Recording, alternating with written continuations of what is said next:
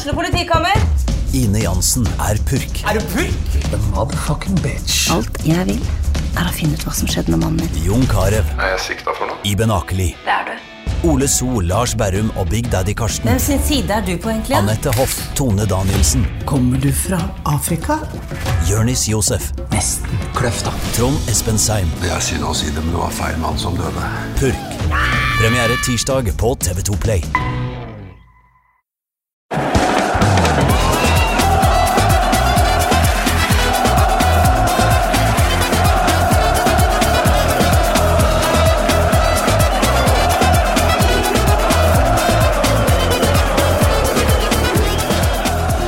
Velkommen til vampyrsk stemning her i Nosferatu-riket, som er Pyro Pivo Studio denne uka.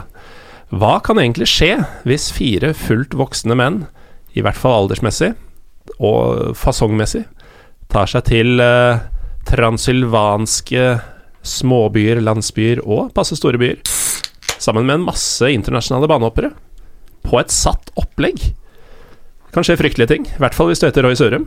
I tillegg til Roy så har vi med Stefan Haugerud og Trym Hogner. Velkommen alle tre. Takk, takk. Takk, takk for at takk for å få være med. Det var kanskje en litt eh, kryptisk intro jeg hadde nå, som jeg fant på mens jeg satt der. Eh, hva er det vi har drevet med egentlig, Trym? Hva er det vi skal snakke om i dag? Ja, eh, du sa vel Transylvania, så da, er vi i, da har vi vært i Romania igjen. Eh, eller igjen, du og jeg har vært her igjen. Dere var kanskje førstereisgutter. Første. Stemmer det, vet du. Nydelig. Um, Må bare si med en gang, sånne ting irriterer meg litt. hva da? For en som vil ha så mange land som mulig. Ja, Uh, at vi har det sikkert like gøy som Roy og Stefan på tur, men de får et nytt land på lista si. Ah, ja, for du er sånn som ikke unner vennene dine mye opplevelser. Under, dem svært lite. Ja, ja, ja. Ja, det var forstått. ja. Ja, og Sindre var med, egentlig. Sånn i retrospekt, kjedelig at dere fikk oppleve dette sammen med oss.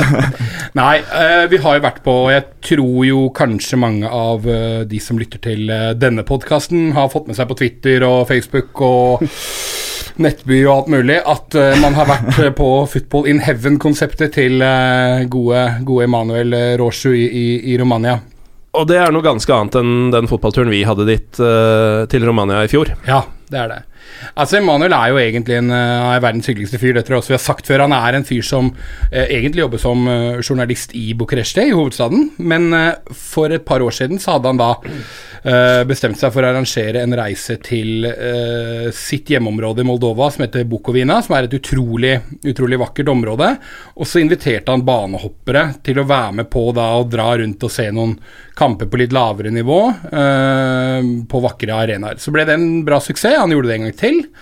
Og så var da dette her tredje utgaven, vel. Eh, men denne gang flyttet til eh, andre siden av landet, nærmere bestemt Transylvania, med Sibio som hovedbase. Eh, Roy, dette var jo første gang vi fire var på tur sammen. Det, det er jo litt pussig, men eh, første gang til Romania for deg. Eh, hva, hva trodde du du gikk til? Nei, det hadde egentlig ikke så veldig, Vi visste egentlig ikke så veldig mye om Romania sånn egentlig på forhånd, men eh, hadde jo Som vanlig. ja, som vanlig. Jeg går inn og ikke veit en dritt før jeg kommer hit. Altså. Nei, så jeg hadde hørt eh, litt med Trym om eh, de landskap og karpatiske fjellene her og sånne ting. Og så satsa jeg litt på god mat og drikkevarer, da. Det, det var det jeg gikk inn for. Um, Stefan, du er også ny i landet. Du, Ja. du er jo mer sånn eh, breddefotballentusiast. Hva forventa du av, eh, av fotballen vi skulle se? Nei, egentlig veldig, veldig, veldig lite, egentlig. Jeg, jeg egentlig ble overraska positivt over både bla, måten, spillemåte, baner Spesielt kanskje gressmatter i forhold til mye det vi ser her i Norge. Eh, De har jo finere gressmatter der enn det vi har på enkeltbaner her i Norge om dagen, så det, det, jeg blei veldig overraska.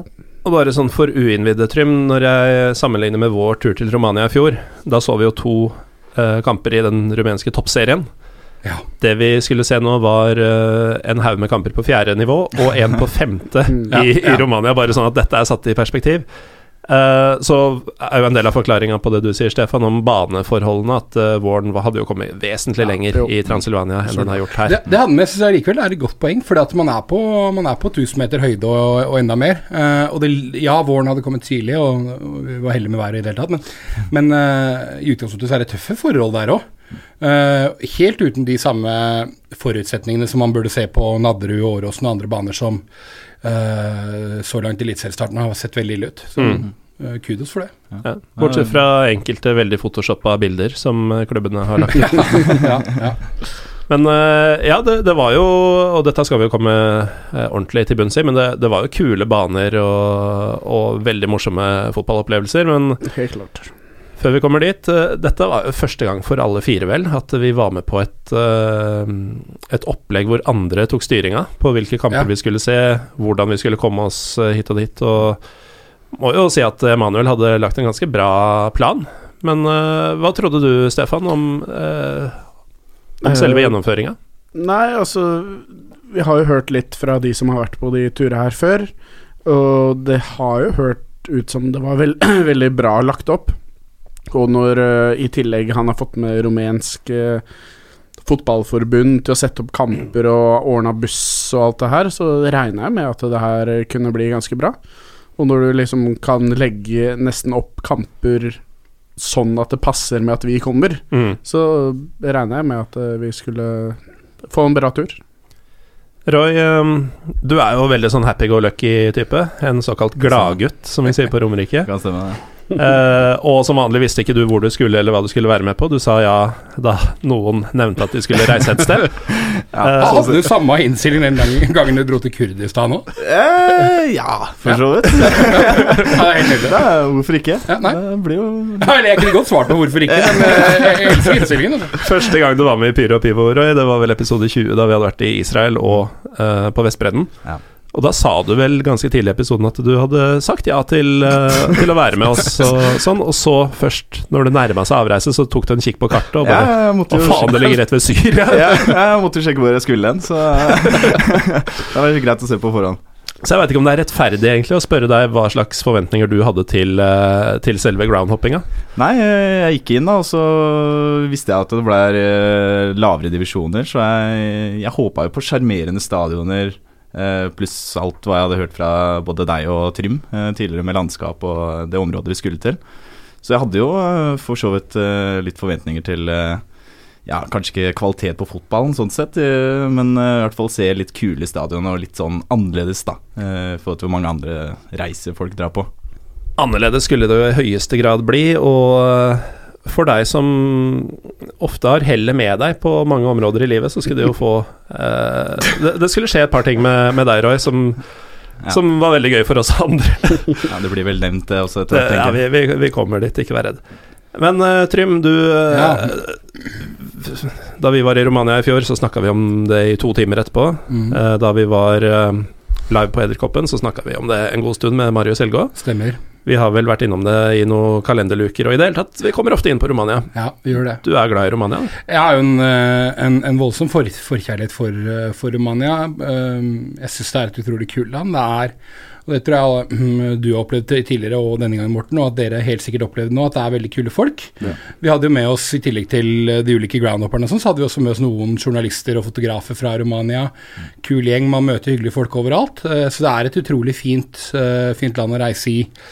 Eh, og så er det jo klart at uh, Transilvania har jo sin egen lille uh, særegenhet, så, så eh, eh, det i seg selv er jo fascinerende.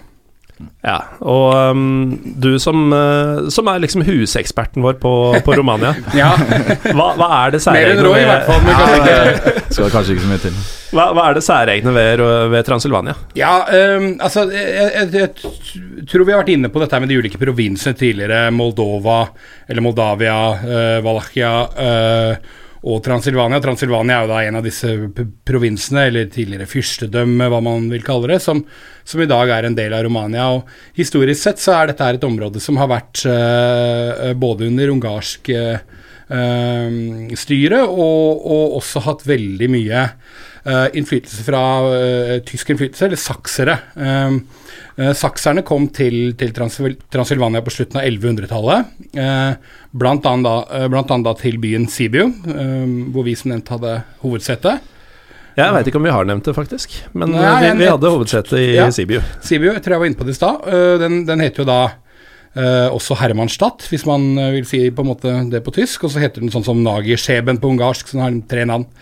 Um, Kan velge. og grunnen til at sakserne kom da, det, det, til, til Transylvania den gangen, det var jo da uh, for å kjempe mot uh, Eller for å hjelpe til å kjempe mot gutta dine, da, Morten. Altså kumaner og tatarer og annen Ja, alt som kan krype og gå litt. ja, fra ottomanske områder, ikke sant.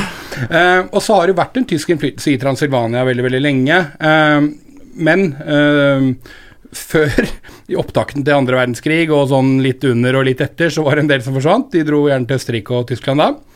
Eh, og så etter at eh, kommunismen gikk på trynet i uh, skillet mellom 80- og 90-tallet, så var det også veldig mange som forsvant. Eh, men presidenten f.eks. i Romania heter jo Claes Johannes, typisk tysk navn. Mm. Han kom jo egentlig fra da Sibiu og, og representerte det tyske partiet i Sibiu før han etter hvert ble president. Og det er fortsatt det tyske partiet som styrer uh, i, i denne byen. Og det er jo litt interessant, siden den store majoriteten jo er rumenere. Uh, men, men uh, ja, likevel en veldig klar sånn saksisk tysk innflytelse i byen der. Mm. Og, det, og det så vi jo en del av eh, da vi farta rundt her. Det var mye, mye skilting på mer enn ett språk. eh, Stefan? Mm, ja, det var det. Ja, det, det var det. Du så også litt på bygga og sånne ting også. Helt riktig. Mm. det, det er, du, du ser det i en del av arkitekturen. eh, og det er jo også selvfølgelig, det kan vi jo egentlig nevne med en gang, eh, god grunn til å dra til nettopp Siby og flere av de byene vi etter hvert skal komme inn på. Eh, det, er, det er utrolig vakkert der. Siby har vært eh, en sånn kulturhovedstad eh, tidligere. Det, her, det har vært på eh, Forbes liste over de mest idylliske byene i Europa å bo i. Altså det, er, det er veldig veldig vakkert der, da. Eh, på, på grunn av arkitekturen, men også selvfølgelig landskapet rundt. Det var vel ikke noe skjending av noe sånn UNESCO-greier eh, første kvelden eh, som noen kan huske? Roy, var det noe bru vi så som Ja, bru, ja. Ja, stemmer det. Det var øh, Ja. øh, Vi rusla jo egentlig oppover en gate som Vi hadde vel tenkt knapt sjekka inn. Vi hadde akkurat spist middag, var det vel. Eller på vei til middag, kanskje. Ja, Nei, det var tidlig, i hvert fall. Uansett så måtte jeg pisse litt. Eh, og akkurat når Trym forteller litt historie om eh, akkurat stedet vi var på eh, akkurat der, der og da, så, så sier Trym mens han går litt i forveien, da, så stopper jeg litt bak for å gjøre mitt fornøyden. og da sier Trym at det var en historisk bru, da. Og det fikk jeg med meg akkurat idet jeg sto og pissa på den eh, På, på muren som brun sto. ja, Ja, ja, jo, men det, er- det er jo nesten som å ta med, ta med seg noen og så liksom, fortelle litt, og så plutselig så snur man seg, så står han der og pisser rett på monolitten, liksom. Det er, eh, det er liksom perle for svin å ha med, ha med Roy på Ja, tur, men eh, Skulle sagt det litt før. ja, ja, ja. Det ja, jeg får ta den på min kappe. Jeg ble litt tidligere ute på liksom hvor, ja, Nei da, men det var sikkert en del japanske turister som sto oppå den brua og titta ned på deg og tok noen bilder, i hvert fall. Ja. Og de ble sikkert veldig imponert. Ja, Sats på. det må vi håpe. Men uh, det, dette er jo egentlig første, første dagen kvelden. Vi, vi ankommer, vi sjekker inn, vi spiser. Roy pisser på et uh, landemerke. Uh, og så blir det egentlig kveld. Vi hadde jo fått vite av eh, Emi at eh, det ville bli tidlige morgener. For eh, det Og det ble det. Ja, det skulle ikke være mye fritid til eh, Du ser veldig etter noe, Trym. Går det bra med deg? nei, det var egentlig eh, Jeg så det sto noe på bordet, men det, det går fint. Ja, eh, og da tenker du på den glassflaska, eller? Ja, egentlig hva som helst, men, eh, men eh, man, man, man tager hva man haver. Ja. Vi får ta en 7-up. Nei, det skulle ikke bli mye fritid på oss, da. Så vi var jo faktisk eh, mer eller mindre fornuftige. Det var vel mer det at barn stengte, egentlig, når jeg tenker meg men vi kom oss i seng til ganske kristelig tid. Eh, og den første fulle dagen eh, skulle da opprinne, som vi hadde fått beskjed om å møte opp utafor et gitt hotell. Og der eh, Det var ikke vanskelig å vite hvilket hotell det var, da vi kom gående over torget der og så en haug med 50 år gamle engelskmenn eh, samle seg. Eh, Førsteinntrykk av eh, de andre Fordi eh, du var inne på det tidligere, Trym. Emanuel har arrangert dette et par ganger tidligere. Da har det vært sånn 7 stykker, 13 stykker. Nå var det vel pluss-minus sånn 30-40 påmeldte. Ja, rundt 40 tror jeg man var på, Mm. på det meste. Det var ikke alle som var med hele veien, men ja. Vi kommer traskende der, eh, og kan jo høre med deg, Roy. Snittalderen på, på de gutta som sto utafor hotellet og var klare for eh, farting? Ja, snittalderen var uh, grei høy, den. Uh, det var uh, rutinerte folk, så det som. Så Nei, jeg veit ikke hva gjennomsnitt kan ha vært. Det må 40-50-åra, kanskje. Jeg vet ikke. Men det er jo, det er jo nettopp det. Du, du, du, nevnte ordet rutinert, og det er, det, er, jo- det er jo det de gutta er. Det er jo så herlig med disse britene som, som er sånne groundhoppere, for at de sitter omtrent stort sett bare hver mandag, så sjekker de sånn Wizz Air og Jeg vet da fader hva en del av de billige flyselskapene fra England heter. EasyJet, tror jeg. EasyJet, EasyJet selvfølgelig. og så bare booker de turer liksom utover Mm. hele tiden og reiser til, til Polen eller til Kosovo eller til Norge eller Island eller hva det måtte være, og så bare drar de på masse små baner og, Ja. og prøver å få sett så mye fotball som overhodet mulig, uavhengig av nivå. Mm. Og flere av dem hadde jo en del uh, ritualer som vi, som vi også skal, skal komme inn på seinere, men det var jo blant annet eh, Peter Miles som uh, nærmest er en slags kjendis i groundhopping-miljøer. Skriver mye for disse Football Weekends-magasinene som, som du har noen av, Trym. Ja, veldig glad i og er veldig aktiv på disse Facebook-gruppene, European Football Weekends, Chicken Baltic Chronicles osv. Uh, han klarer jo å få med seg samtlige målskårere, eh, antall tilskuere, som aldri blir oppgitt på en rumensk fjerdedivisjonskamp, uh, tidene som måla kom i. Og dette var ganske uoversiktlige matcher til tider, som vi også skal komme inn på. Men, men mannen er jo gal, Ja, han er, og, og han var ikke aleine. Nei, nei, spinnvill. Eh, ja, det er som du sier, han var ikke aleine. Det er en så utrolig sær gjeng at du bare må, du må digge det, da. Uh, Vi var på arbeid, for å si det sånn. Ja, rett og slett. Altså, det var ikke noe kødd, liksom. Det var sånn Nei, men, nei, men altså, det, det, jeg tror det er i Frankrike eller Italia eller sånn, så er det sånn trøffelgriser. De blir så ivrige at hvis ikke du stanser dem, så må, så må de skytes, for da eter de Ja, men det er ikke kødd, for da eter de og bare trøfler, for de klarer ikke å stanse, liksom. Og så maniske var faktisk et par av de gutta her, da, på liksom at de skulle ha Alle statsa skulle være tidlig på stadion og, og hele pakka. Kameraene klare. Og, Ja, ja, flere kameraer, Ja, linser her og Inspisere der. matta før Ja, ja, ja, kjempekult. Ja, det var kjempekult. morsomt. Eh, Peter Miles var jo også innom dommerne foran alle kampene vi så, for å få bilde av dommerkortet, så han faktisk hadde navnene på spillerne og sånn. Det er helt, helt sjukt. er magisk. Um, men det var ikke bare briter, eh, Stefan. Nei, det var jo mange fra forskjellige land utenom oss. Det var vel f- Det var eh, far og sønn fra Frankrike. Det var og så var det noen fra Belgia, så var det vi fra Norge, pluss eh, to til. En som het Håvard, eh, en som het Ole Jakob og, og en som het Roger. Det var tre, det. Tre. Så, ja, var nesten. ja, ja, det var nesten. Uh, som var uh, fra forskjellige steder i Norge. Og, og så var det vel en fra Danmark. Ja, som vi knapt fikk med oss at var der. Ja, nei, vi, vi, vi møtte vel dag tre, tror jeg. Vi, ja, ja, Polen. Ja. Det, var- det var folk fra hele Skandinavia. Nei, eller hele Europa. Ja, det føltes sånn. og Må jo virkelig sende en, sende en hyggelig hilsen til Håvard, Ole Jakob og Roger, for det er en utrolig, utrolig fin trio der, sånn. Mm. Uh, eh, så gøy, gøy at det var et par andre nordmenn også med på tur. Også, også folk som var glad i å Eller satte pris på det å oppleve ny type fotball. eh, men også matopplevelsen og alt annet som var rundt. Så det var gøy å, gøy å ha med hele den gjengen på, på Eller at vi var så mange sammen. Ja, for Håvard var jo litt sånn Han hadde vært på en del groundhops uh, før, mens mm. Ole Jakob og Roger De kjente hverandre jo gjennom å være Chelsea-fans. Mm. Og eh, som Ole Jakob vel brakte på bane selv på bussen første dagen, er at det er vel ikke sånn du liker, Morten? Men eh, jeg skal innrømme at jeg ble både overraska og imponert over at eh, de to gutta som først og fremst er Chelsea, eh, var med på det her. Mm. Men de gutta har jo også valgt, sånn som jeg skjønte det på dem, så har de ofte valgt å dra til noen av de litt, litt sære områdene når Chelsea spiller. Jeg tror de hadde vært i Baku og Kiev og liksom Mm. uh, Til og med kanskje Romania før òg. Jeg lurer på det. Ja, mm. Så så var gutter som satte pris på dette her, da. De satte pris på det, og vi satte jo også pris på uh, mange av disse originalene på, på bussen. Um, denne belgieren skal vi faktisk høre fra seinere i episoden. Ja, Roy. det blir jeg gleder meg til. Han, eh, han lærte seg jo litt norsk underveis. Eh, og den, skal vi, den norsken han skal vi bedømme eh, når, når tiden er inne. Um, så vi fikk da et inntrykk av eh, folka som skulle være med oss de neste tre dagene, og um, vi gikk til bussen. Trym, imponert over bussen? Ja, det var jeg. Eh, Det var jo en kjempesliten, gammel, ganske dårlig buss, og det var langt over hva jeg hadde forventa. Men, eh, men nettopp fordi at man hadde blitt så mange flere enn på de tidligere turene Manuel hadde arrangert, så holdt det liksom ikke med en sånn type maxitaxi lenger. Så det var en sånn ordentlig ja, ordentlig sånn god gammeldags buss, sånn som det var den gangen vi begynte å reise rundt og følge fugla på slutten av 90-tallet òg, liksom. Mm. En sliten buss. Ut, uten selvfølgelig aircondition og med seter som falt bakover, og ja. hele den sjarmen, egentlig. Og det, Uten dass, da.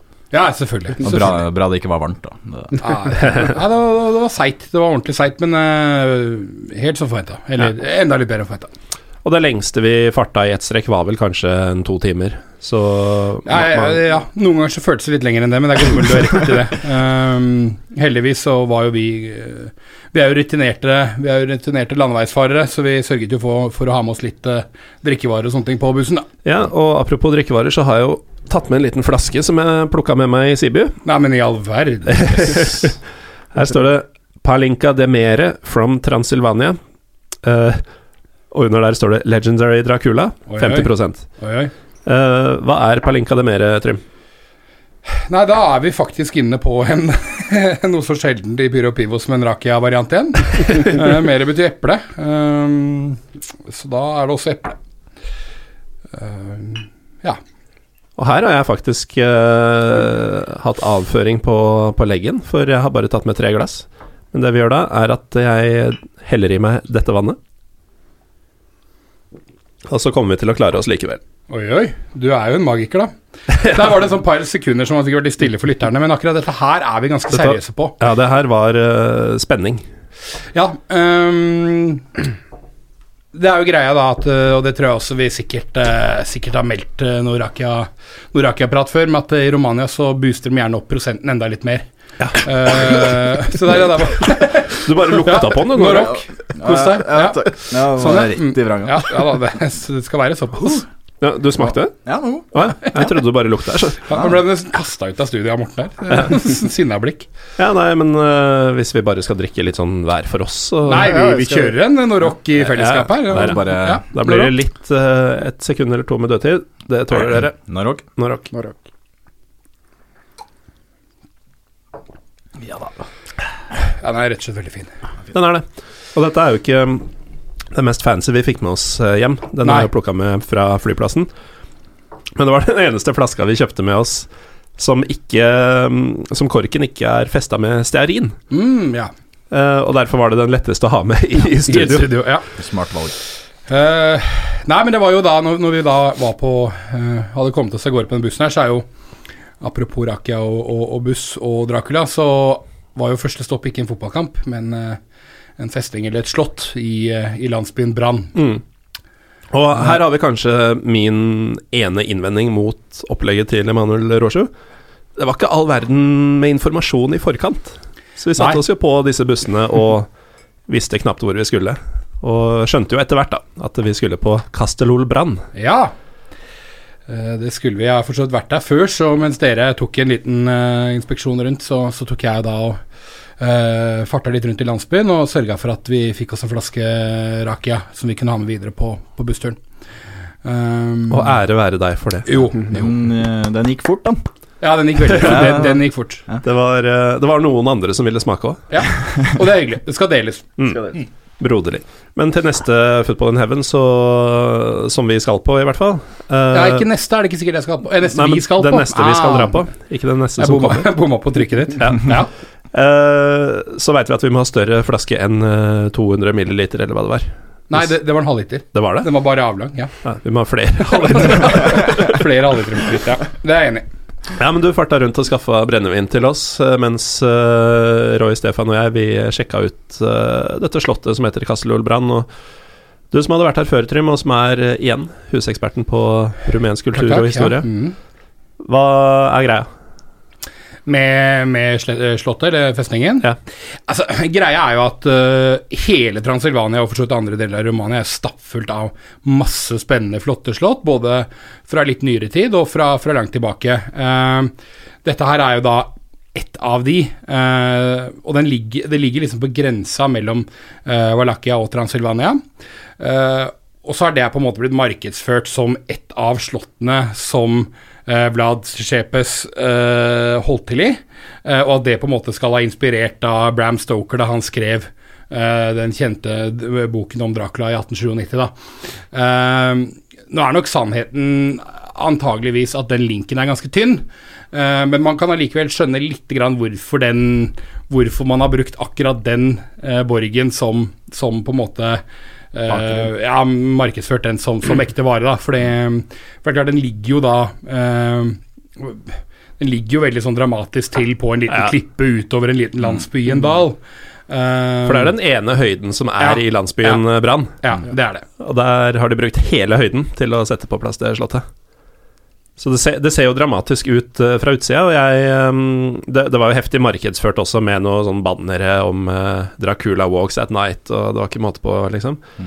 Vi kommer inn der, Stefan. Det er ikke kjempeskummelt. Nei, altså først så måtte vi jo stå ti minutter i kø, fordi det kom jo noen gamle, gamle amerikanere som skulle ned den trappa. Han ene var vel 92, Ja, han sa så. så, sa han når han var på vei ut. Så vi brukte jo veldig lang tid på å i det hele tatt komme oss inn i slottet. For det var ikke noen sånn offisiell kø for eh, inngangen. Det var bare at Ja. det fins bare én inngang og utgang til, eh, til slottet, og En det er en sånn spiraltrapp i en knøttliten gang. Mm. Uh, og da kom hele den amerikanske turistgruppa med pensjonister samtidig ned. Det er noe herlig med Stefan over at han kan antageligvis ikke resultatet på én eneste han var på, men han husker hvor gammel eldstemann var i en turgruppe som ikke var en del av vår. Han var 92. Han, var 92. Ja, han, han gjorde et ganske stort nummer ut av det. Og eh, selv om det ikke var kjempeskummelt der inne, så var det jo noen trange korridorer og, og snirklete trapper og sånn som Det var eh, det var imponerende at han tok, tok for seg av, og fortsatt var ved godt mot da han kom ned der. Ja, ja, helt klart. Men eh, følelsen jeg fikk i veldig mange av de romma, eh, det var eh, for det første at det var altfor lite for meg. Ja, ja. Eh, jeg skjønner jo hvorfor du ikke ville være med, Trym. Du hadde ikke fått plass. Ja, nei, jeg har vært der før, og det ja. Var ikke noe for deg. Gjorde en prioritering. Nei, jeg gjorde en prioritering på vegne av laget. Men jeg hadde håpa på litt sånn eh, Litt stearinlys og skummel kunst på veggene og sånn, men det var vel egentlig mye sånn Frogner-leilighet-feeling.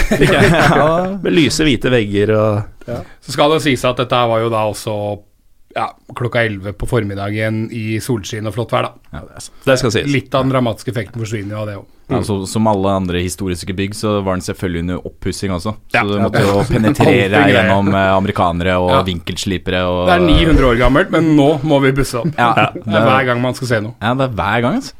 Vi måtte penetrere oss gjennom vinkelslipere og amerikanere, var det det du sa? Ja, du må ikke, ikke ta notater her nå. Ja. Du er en berikelse for norsk podkast. Ja, takk. men uh, var det kult, eller? Ja, det, det var jo for så vidt det. Det, var, det, det er liksom Selv om jeg ikke har peiling på altfor mye før jeg går inn i det, så syns jeg det er kult med litt sånn historie og få med seg nye ting og sånne ting når man først er i de forskjellige land. Da. Mm. Så det var absolutt verdt å se, og kan jo anbefale. Eh, det var som du sa, det var ikke sånn veldig skummelt med tanke på historien og sånne ting, men det var jo kjekt å se, men du må regne med litt kø, da. Men hadde gå- man gått på sånn guida tur om kvelden, og gjerne en kveld hvor det regner litt og sånn, da tror jeg det kunne vært god stemning. Det hadde vært mye kulere, faktisk. Og, det var Og en flaske også- rakia i hånda, selvfølgelig. Ja, selvfølgelig. Men det var også et, uh, der, et rom der de viste hvordan man terroriserte folk også, men det tror jeg kosta penger, så jeg tror Mm. vi gikk inn dit. Ja, det var et Så torturkammer. kanskje, ja, torturkammer, så det var kanskje dumt at vi ikke gikk inn dit når vi først var der. Ja, men da Men får vi ta det neste gang. men uh, ferdig med Slottet, så rekker vi faktisk å få i oss litt mat også. Det, det, det var langt mellom matbitene på denne turen. Ja. Uh, Trym har ordna en flaske Palinka, og vi er tilbake på bussen, og nå skal vi på kamp.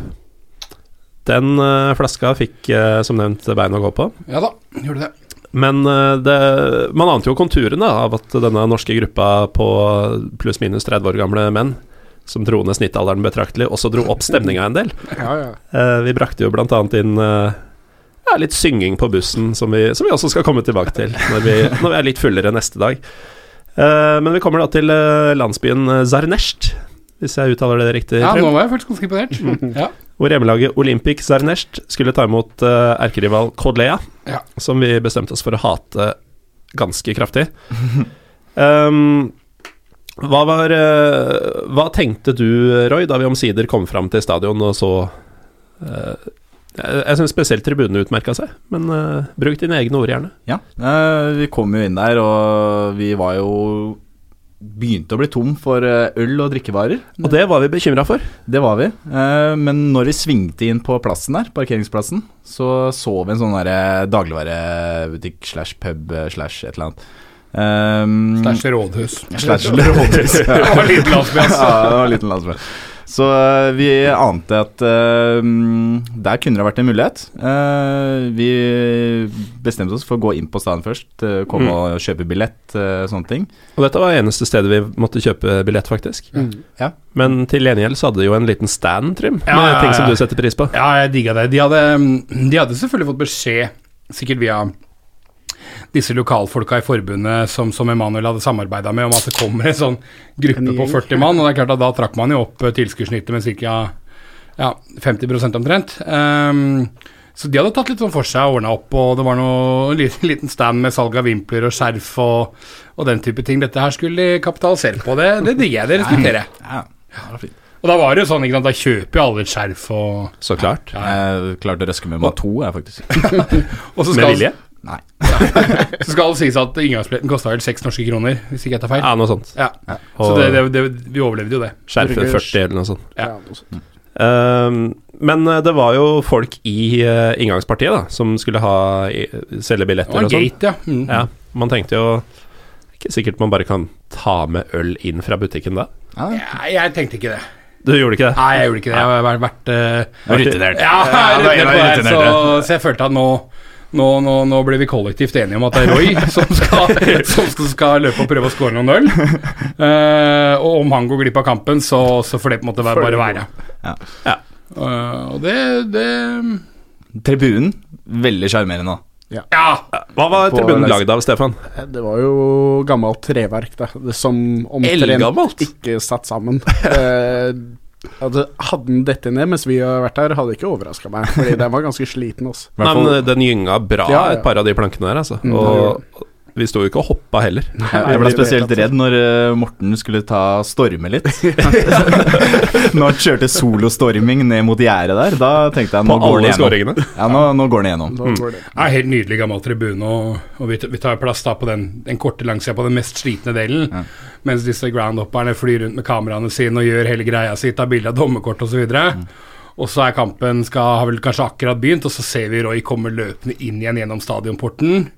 Og har hatt suksess med ølløpet sitt. Og det er ikke sånn at han har henta en sixpack med bokser. Nei da, på ingen måte. Full kasse i plaster. Og kommer løpende inn igjen på stadion. Det syns jeg var ja, Det er et av de vakreste fotballøyeblikkene jeg har vært med på, faktisk. Ja. Ja, det var det. Ja, det var nydelig. Oppsummert og plyndra litt. Her står vi på verdens mest romantiske tretribune, eh, som for øvrig skal rives hvert øyeblikk, eh, har jeg blitt fortalt. Er. Og um, vi eh, Vi har da utsikt over eh, en, en soldekket eh, bane med både halvfeite og veltrente fjerdedivisjonsspillere som løper rundt og, Bra utsikt. og hater hverandre. Eh, det var en linjedommer som vi satte pris på. Mm. Og så har vi da en kasse med øl. Ja. Og da den kassa gikk tom, så gikk Ole Jakob og kjøpte en ny kasse med øl. Jeg, jeg, jeg tror det var før pausen, faktisk. Nei, det var nydelig. Bare for, å ta iskald øl. det, bare for å ta det, da, så tok vi Jeg tror jeg første runden så tror jeg røska med meg ti, ti halvlitere, eh, og det kosta under 60 kroner. Eh, 55 kroner ish. Ja, det er, Så- det er, det er innafor. Ja, det er ganske innafor. Du kjøpte jo et brett med øl på en kamp uh, seinere på turen, og det kosta vel, uh, hvis jeg ikke husker helt feil, eh, 84 lei. Det er 170 kroner eller noe sånt. Ja, Ja. jeg er, jeg er litt mer. Men, Eh, det, det var gode, gode tilstander for oss som liker å ta oss et beger når vi er på fotballkamp. Mm. Um, jeg nevnte linjedommeren, eh, Roy. Ja, det gjorde det. Det kommer til å dukke opp et bilde i sosiale medier eh, i promotering av denne episoden av deg og eh, linjedommeren. Ja. Hva var spesielt med denne linjedommeren? Nei, det, hun var jo veldig flink i jobben sin, da. Hun, sier du? Ja, Ja. Så det var jo linjeskli, som vi kaller det. um, Som vi kaller det.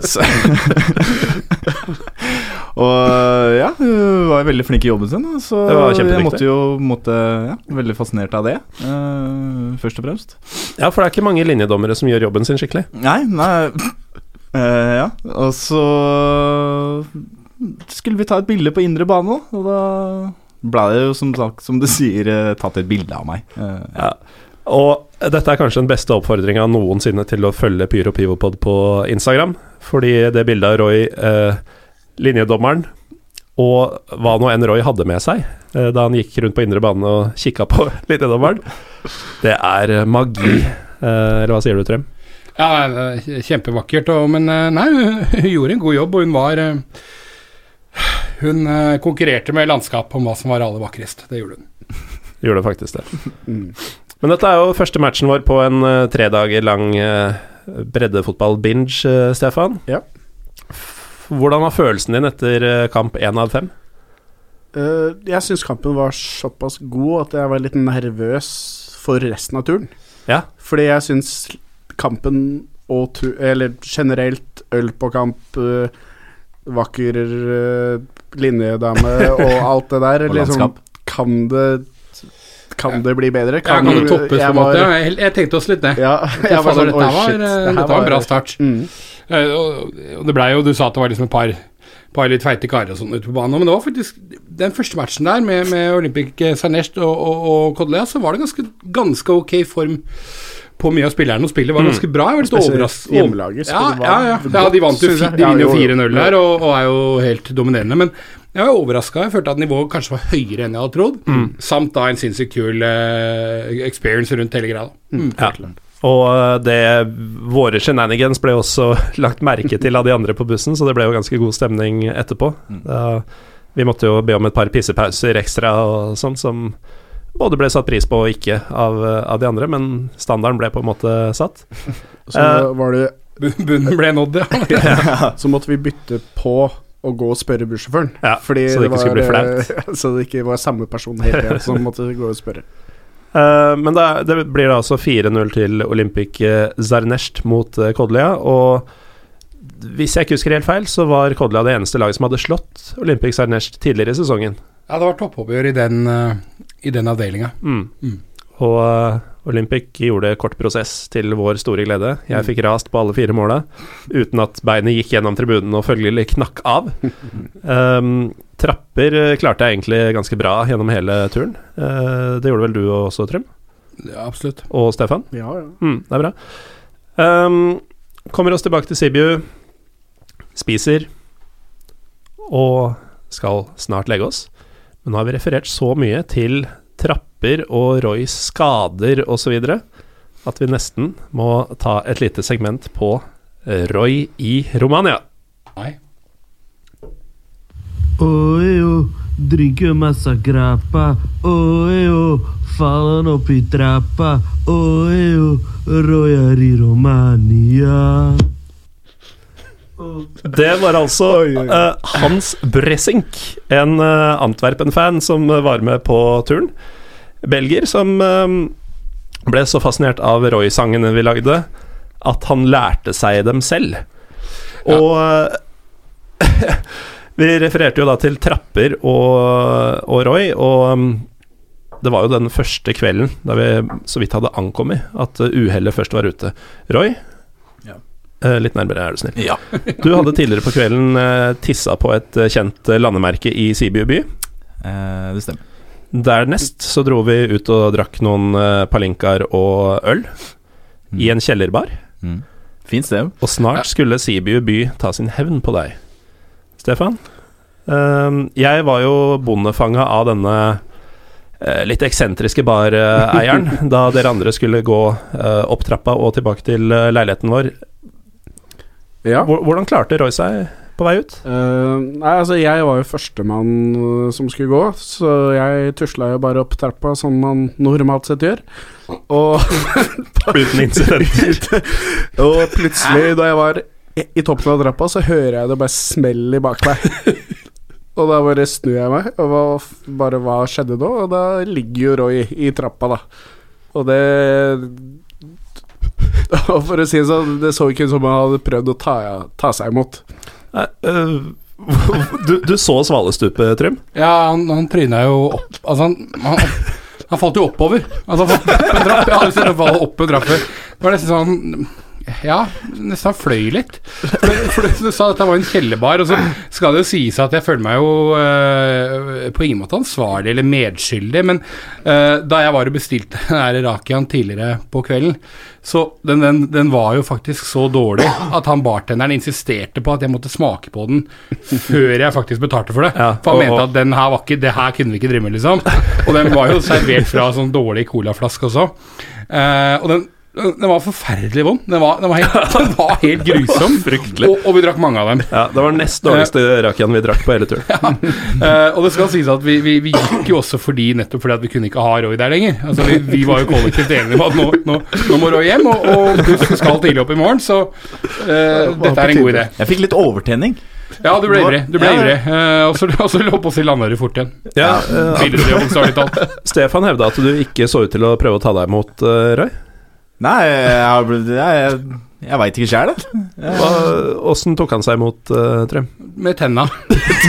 med tenna i. Og det er jo, det er jo brostein Alt er jo brostein og sånn steinbelagt, ikke sant. Så det var jo Jeg tror det var tenna som smalt, altså. Ja, ja, jeg smalt noe jævlig. Jeg kan bekrefte at det var tenna, for det mangler uh, en del av tanna mi. Røyk en bit av tanna di. Han Og- og sto og titta på seg sjøl Ja, i ja, ja, ja. speilet i kvarteret når vi kom hjem, og det, ja, det mangler en bit av ene tanna. Utover neste dag, og det var Slå ut tenna, det er sånn Sånn skal det være på tur. Og, Ja, ja. og jeg, jeg synes jo altså, Det var dag sånn- én.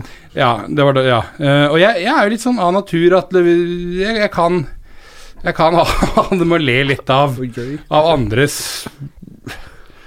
Ja. Uhell? ja, for å si det på en pen måte. Eh, så jeg syns det var rasende festlig. Og, eh, og det sto også ei fransk jente som, som jeg tror studerte der, eller sånt, og som, som sto stolt på dette her. Og, og prøvde liksom på sånn eh, engelsk med, med fransk aksent og forklare Roy hvordan han skulle benytte en trapp. Jeg syns- det var helt nydelig. Uh, nei da, men, uh, men tennene ryker, og det, det, det tror jeg vi alle egentlig er innforstått med. Det, det er innafor. Ja, altså, jeg mista også en bit av en tann da vi var i Romania. Det er riktig. Så, så, da ser du. det det andre Da gang ser jeg hadde med en kompis til Romania, og tenner røyk. Uh, ja. Sånn er det. Men øhm, for de som ikke helt tok sangen, Ja. så er det altså Drekke masse grappa, falle opp i trappa. Roy er i Romania. Mm. Og nå er det i og for seg ikke grappa vi drikker, men det er det som ligna mest, som passer. er det som Ja, rimer. gra Mm. ja og så er jo grappa Det er jo nesten en samlebetegnelse, selv om det egentlig fordrer at det er drue. Nettopp. Ja.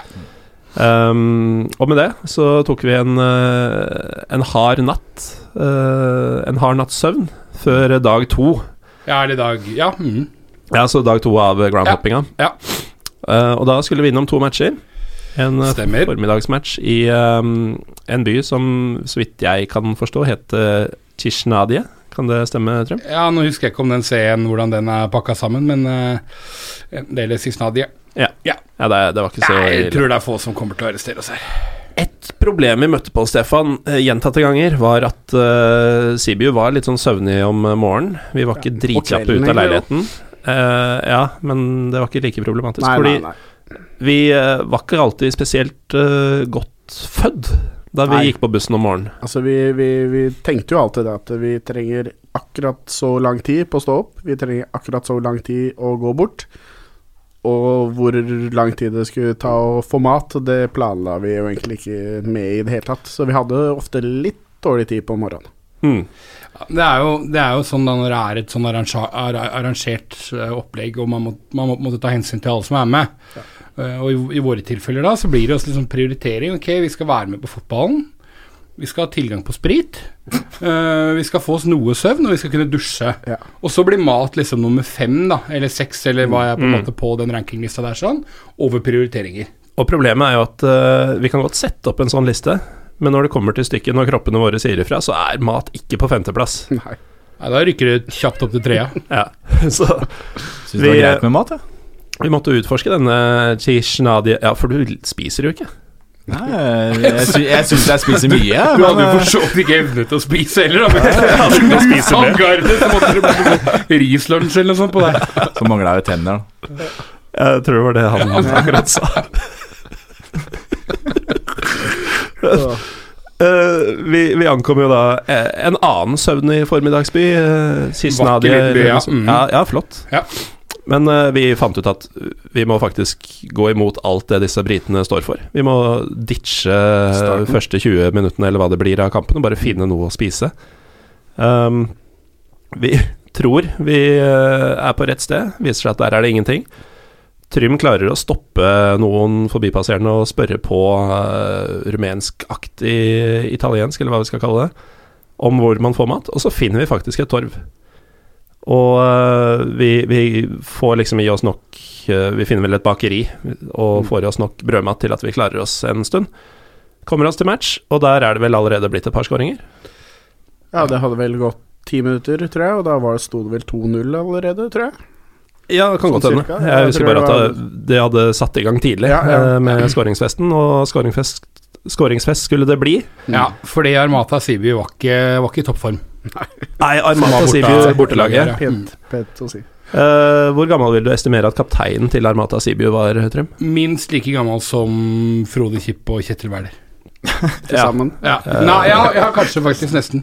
Ja, men han- han kunne nesten vært faren til en av de gutta. Ja. Mm. Han, jeg, jeg tipper han er pluss-minus 60. Ja. Ja, det Ja, kan det han har det ha vært. Og uh, han, han så ut som han hadde spilt fotball øh, på et visst nivå, Ja, ja, men det var fort 35 år siden. Det var det. Var litt treig. var Litt seig i stega.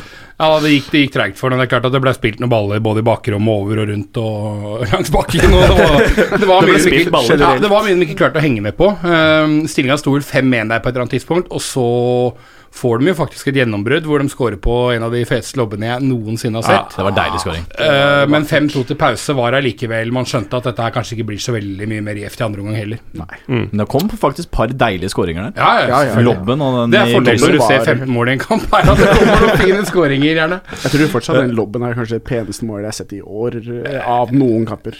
Ja. Det, det, den var vakker, altså. Ja, den var fin. Det var ikke sånn liten chip, det var sånn Den, lobb 2. den, den fins på video, så, Ja, vi får se om det. ja, så vi får se om det går an å Prøve å få lagt ned et Den ligger på denne polske kanalen. Det får vi komme tilbake til om vi kan legge ut på i sosiale medier. Ja, til uh, denne berømte polske fotballvloggeren. Ja. Um, vi trenger jo ikke snakke altfor mye om fotballen her, fordi det er ikke det som er interessant for noen, hvordan det gikk i fjerdedivisjon i Romania for noen uker siden. Men uh, igjen var vi jo på en tretribune. Ja. Denne gangen en i veldig god stand, egentlig. Mm. Hele stadion var Ja, hele, hele stadion var kjempefin. Den var ga gammel og ærverdig og i det hele tatt. Bygget, eh, pressa inn mellom landsbymurene og en kirkegård. Ganske transylvansk beliggenhet. Ja, ja, deilig med de, eh, med de der korsene og, og gravstøttene som stakk opp bak setene på, på den ene langsida. Eh, men et, eh, et veldig sånn velholdt anlegg, og man så vel kanskje også da vi rusla litt rundt den landsbyen der, at der var det ganske høy standard. Det var, det var ikke noe søppel på gaten, og ting, ting var ganske på stell. da. Eh, kjempekoselig opplevelse. Jeg nevnte vel at det var 5-2 i pausen, og jeg syns pause, pausen der var jo helt nydelig, for da ble vi jo dratt inn på på det jeg velger å kalle folkevippen. Det var en øh, folkelig vipp. Eh, Stefan, ikke verdens øh, beste øye for detaljer eller hukommelse hos deg, Nei, men nei. Hvordan, Nei, nei. Samme det. hvordan husker du denne folkevippen, som Trym kaller det? Uh, jeg husker det kom en kasse med øl, og utenom det så var det vel ikke så mye mer Det kom ikke en kasse med øl. Vi Det måtte jo komme til den. Ja, jo, det sto kanskje en kasse øl der. Jeg husker ikke. Jeg, jeg fikk en øl, i hvert fall. Hvordan kom vi oss til Ja, nei, det, vi gikk jo ut, og så gikk vi litt sånn på uh, baksida den Ja, ene skur, på en måte. Ja, litt sånn skur på baksida, mellom skvist inne med sånn treningsbane og Ja. eh, litt sånne ting, da. Ja. Eh, der fikk vi jo servert gratisøl, uh, Mhm. Ja. som Fra klubben. Jeg, jeg, jeg skulle faktisk ikke ta meg en ny øl der, for det hadde jeg akkurat uh, bøtta ned på min egen. Men uh, det måtte jeg ta imot, for det, det skulle vi det, Øl måtte vi ha. Ja, og da, var det, da er det klubben da som syns det er gøy at her kommer det gjester. Så nå sørger vi for at det er et par kasser øl til de, til de 40 folka her, liksom, og, og, og serverer dem litt i, i, i, pausen her. Og så var det frivillig om man ville slenge inn Vi slang vel inn noen sånn såkalte donasjoner i noe pott der, da, men, eh, men det var helt frivillig. Um, og det igjen, da, for meg som er glad i dette landet, så nok en gang så ser man sånn type gjestfrihet som jeg ser for meg at man kanskje ikke hadde sett eh, så mange steder i Norge. Eh, At klubben drar ut og henter et par kasser øl til supportere som har kommet langveisfra. Det, hadde vel gått konkurs hvis jeg hadde gjort det. Så. ja, ikke sant. To kasser øl er jo mye reiseregning på det. Ja, så kan du se for dere norske tredjedivisjonsklubber som det ville vært gjøre det. Altså Der finnes jo eliteserieklubber som ikke kunne tillatt seg den utgiften. Mm. Um, Da har jeg også rota meg inn i garderoben. Da. ja, for du skulle på do, du. Ja, jeg, jeg, jeg skulle jo øh, på toalettet igjen, da. Eh, og klarte å rote meg inn eh, ja, Hørte en forklaring hvor eh, toalettene skulle være, men klarte selvfølgelig Og gikk i fundamentalt motsatt retning. Ja, selvfølgelig, selvfølgelig som, eh, som alltid.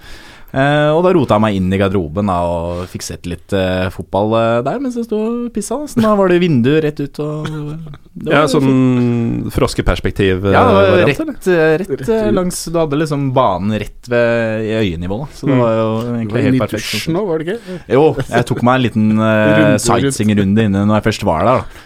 Ja, ja. Så ja, det måtte man gjøre. Som en jo gjør. Ja. Um, du fant sikkert den vanlige doen på stadion, Stefan. Ja, Det, ja, jeg fant den til slutt. det gjorde jeg også, og jeg var der sammen med noen av britene, eller samtidig som. Uh, legg den Bra, med en gang. bra bra. Eh, og jeg er jo, som noen av dere sikkert har sett, uh, ganske mye høyere enn de fleste andre.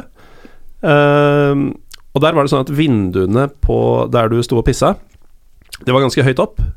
Så jeg kunne faktisk se matchen gjennom det vinduet mens vi sto der. Det kunne ikke de to andre. Så det ble til at jeg, måtte kommentere kampen for dem mens vi sto og pissa. Jeg tror jeg var med da, faktisk. Var fin, ja, det. Ja, ja. var fin lukt der òg. Ja, det er ofte det på rumenske dasser i fjerde divisjon. Eller norske eliteserien. Ja, eller ja, dasser som vi går på. i det hele tatt. Men eh, det, det var en spennende opplevelse. Jeg har jo aldri kommentert fotball før, og i hvert fall ikke på engelsk. Og jeg fikk gode skussmål fra bl.a. Uh, Onion Bag, som, eh, Savage Onion. Som alle må følge på, på Twitter. Han har tatt flere av de bildene som vi kommer til å vise fram i sosiale medier også. Um, du nevnte 15 mål, Trym. Ja. Blei det virkelig 15 mål i denne kampen? Det ble Det gikk jo ikke så veldig mye bedre for eh, Armata Sibiu i andre omgang, fordi at de skåra null eh, og slapp inn åtte til. Uh, I tillegg til de fem de allerede hadde, så da ble det 13-2. Seigt, eh, litt seigt tap. Litt seigt, tap. Ja. Ja. Men like blide, da. ja, ja. Fin gjeng. Lilla drakter kombinert med blå shorts. Det synes jeg Nei, blå, blå sokker. Ah, det syns jeg var deilig, altså. Veldig fin gjeng. Det fineste av Fiorentino og, Fiorentina og Napoli Ja. kombinert. Ja, nydelig.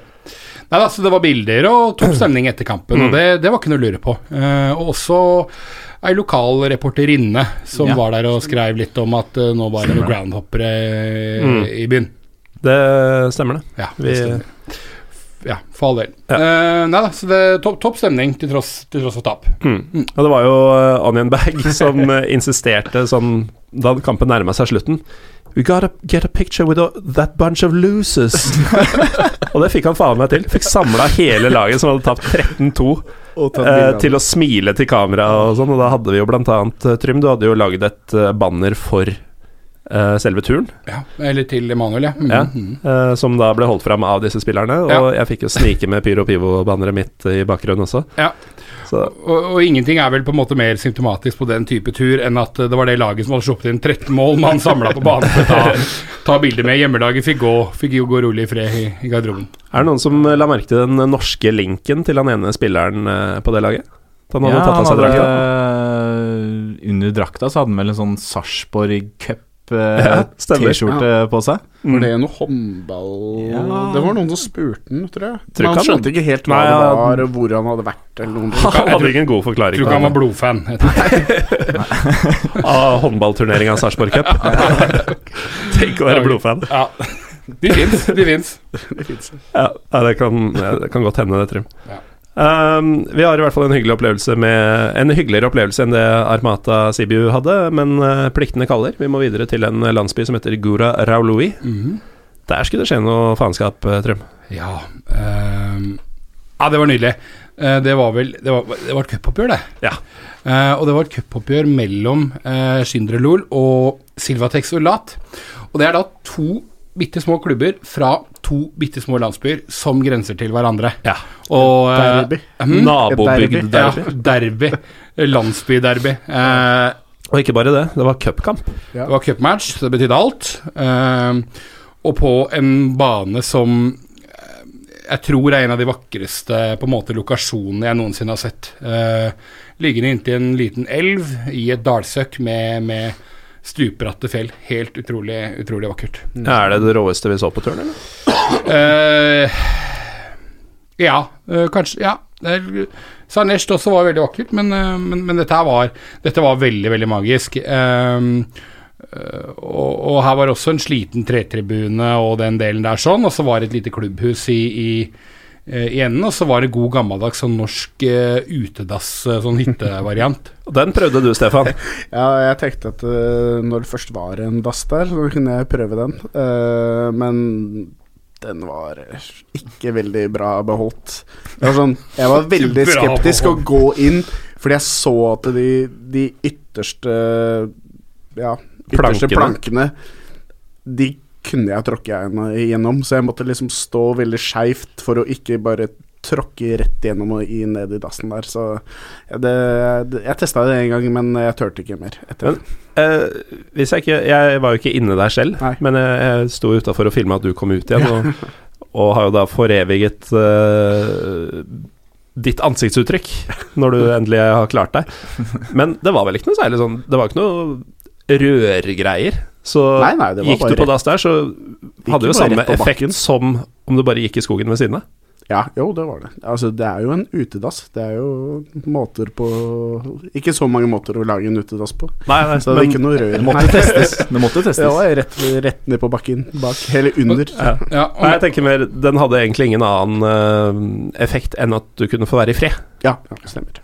Og mens dere da på en måte står og lar dere fascinere hva vi er av en utedass, så er da Roy eh, i gang med å forhandle i kiosken. Det var litt, det var litt fett, fordi at det- kiosken der var sånn som Det var litt sånn på mange måter så var den litt sånn som når du går på et norsk kall det fjerdedivisjonsoppgjør.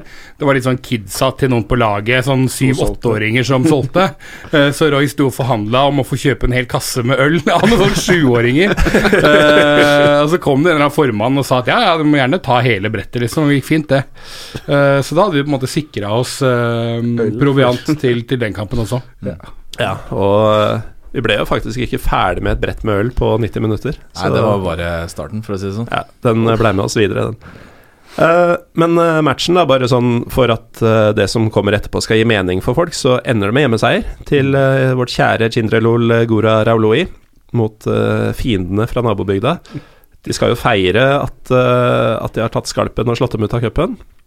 Mens de gjør klar til feiring, som vi da var invitert til, hele bussen. inviterte hele bussen. Eh, så tar vi en tur opp i eh, bakken der for å se på en eh, ja, ganske spektakulær demning. Ja da, det, stemmer vi var oppe i, Ja.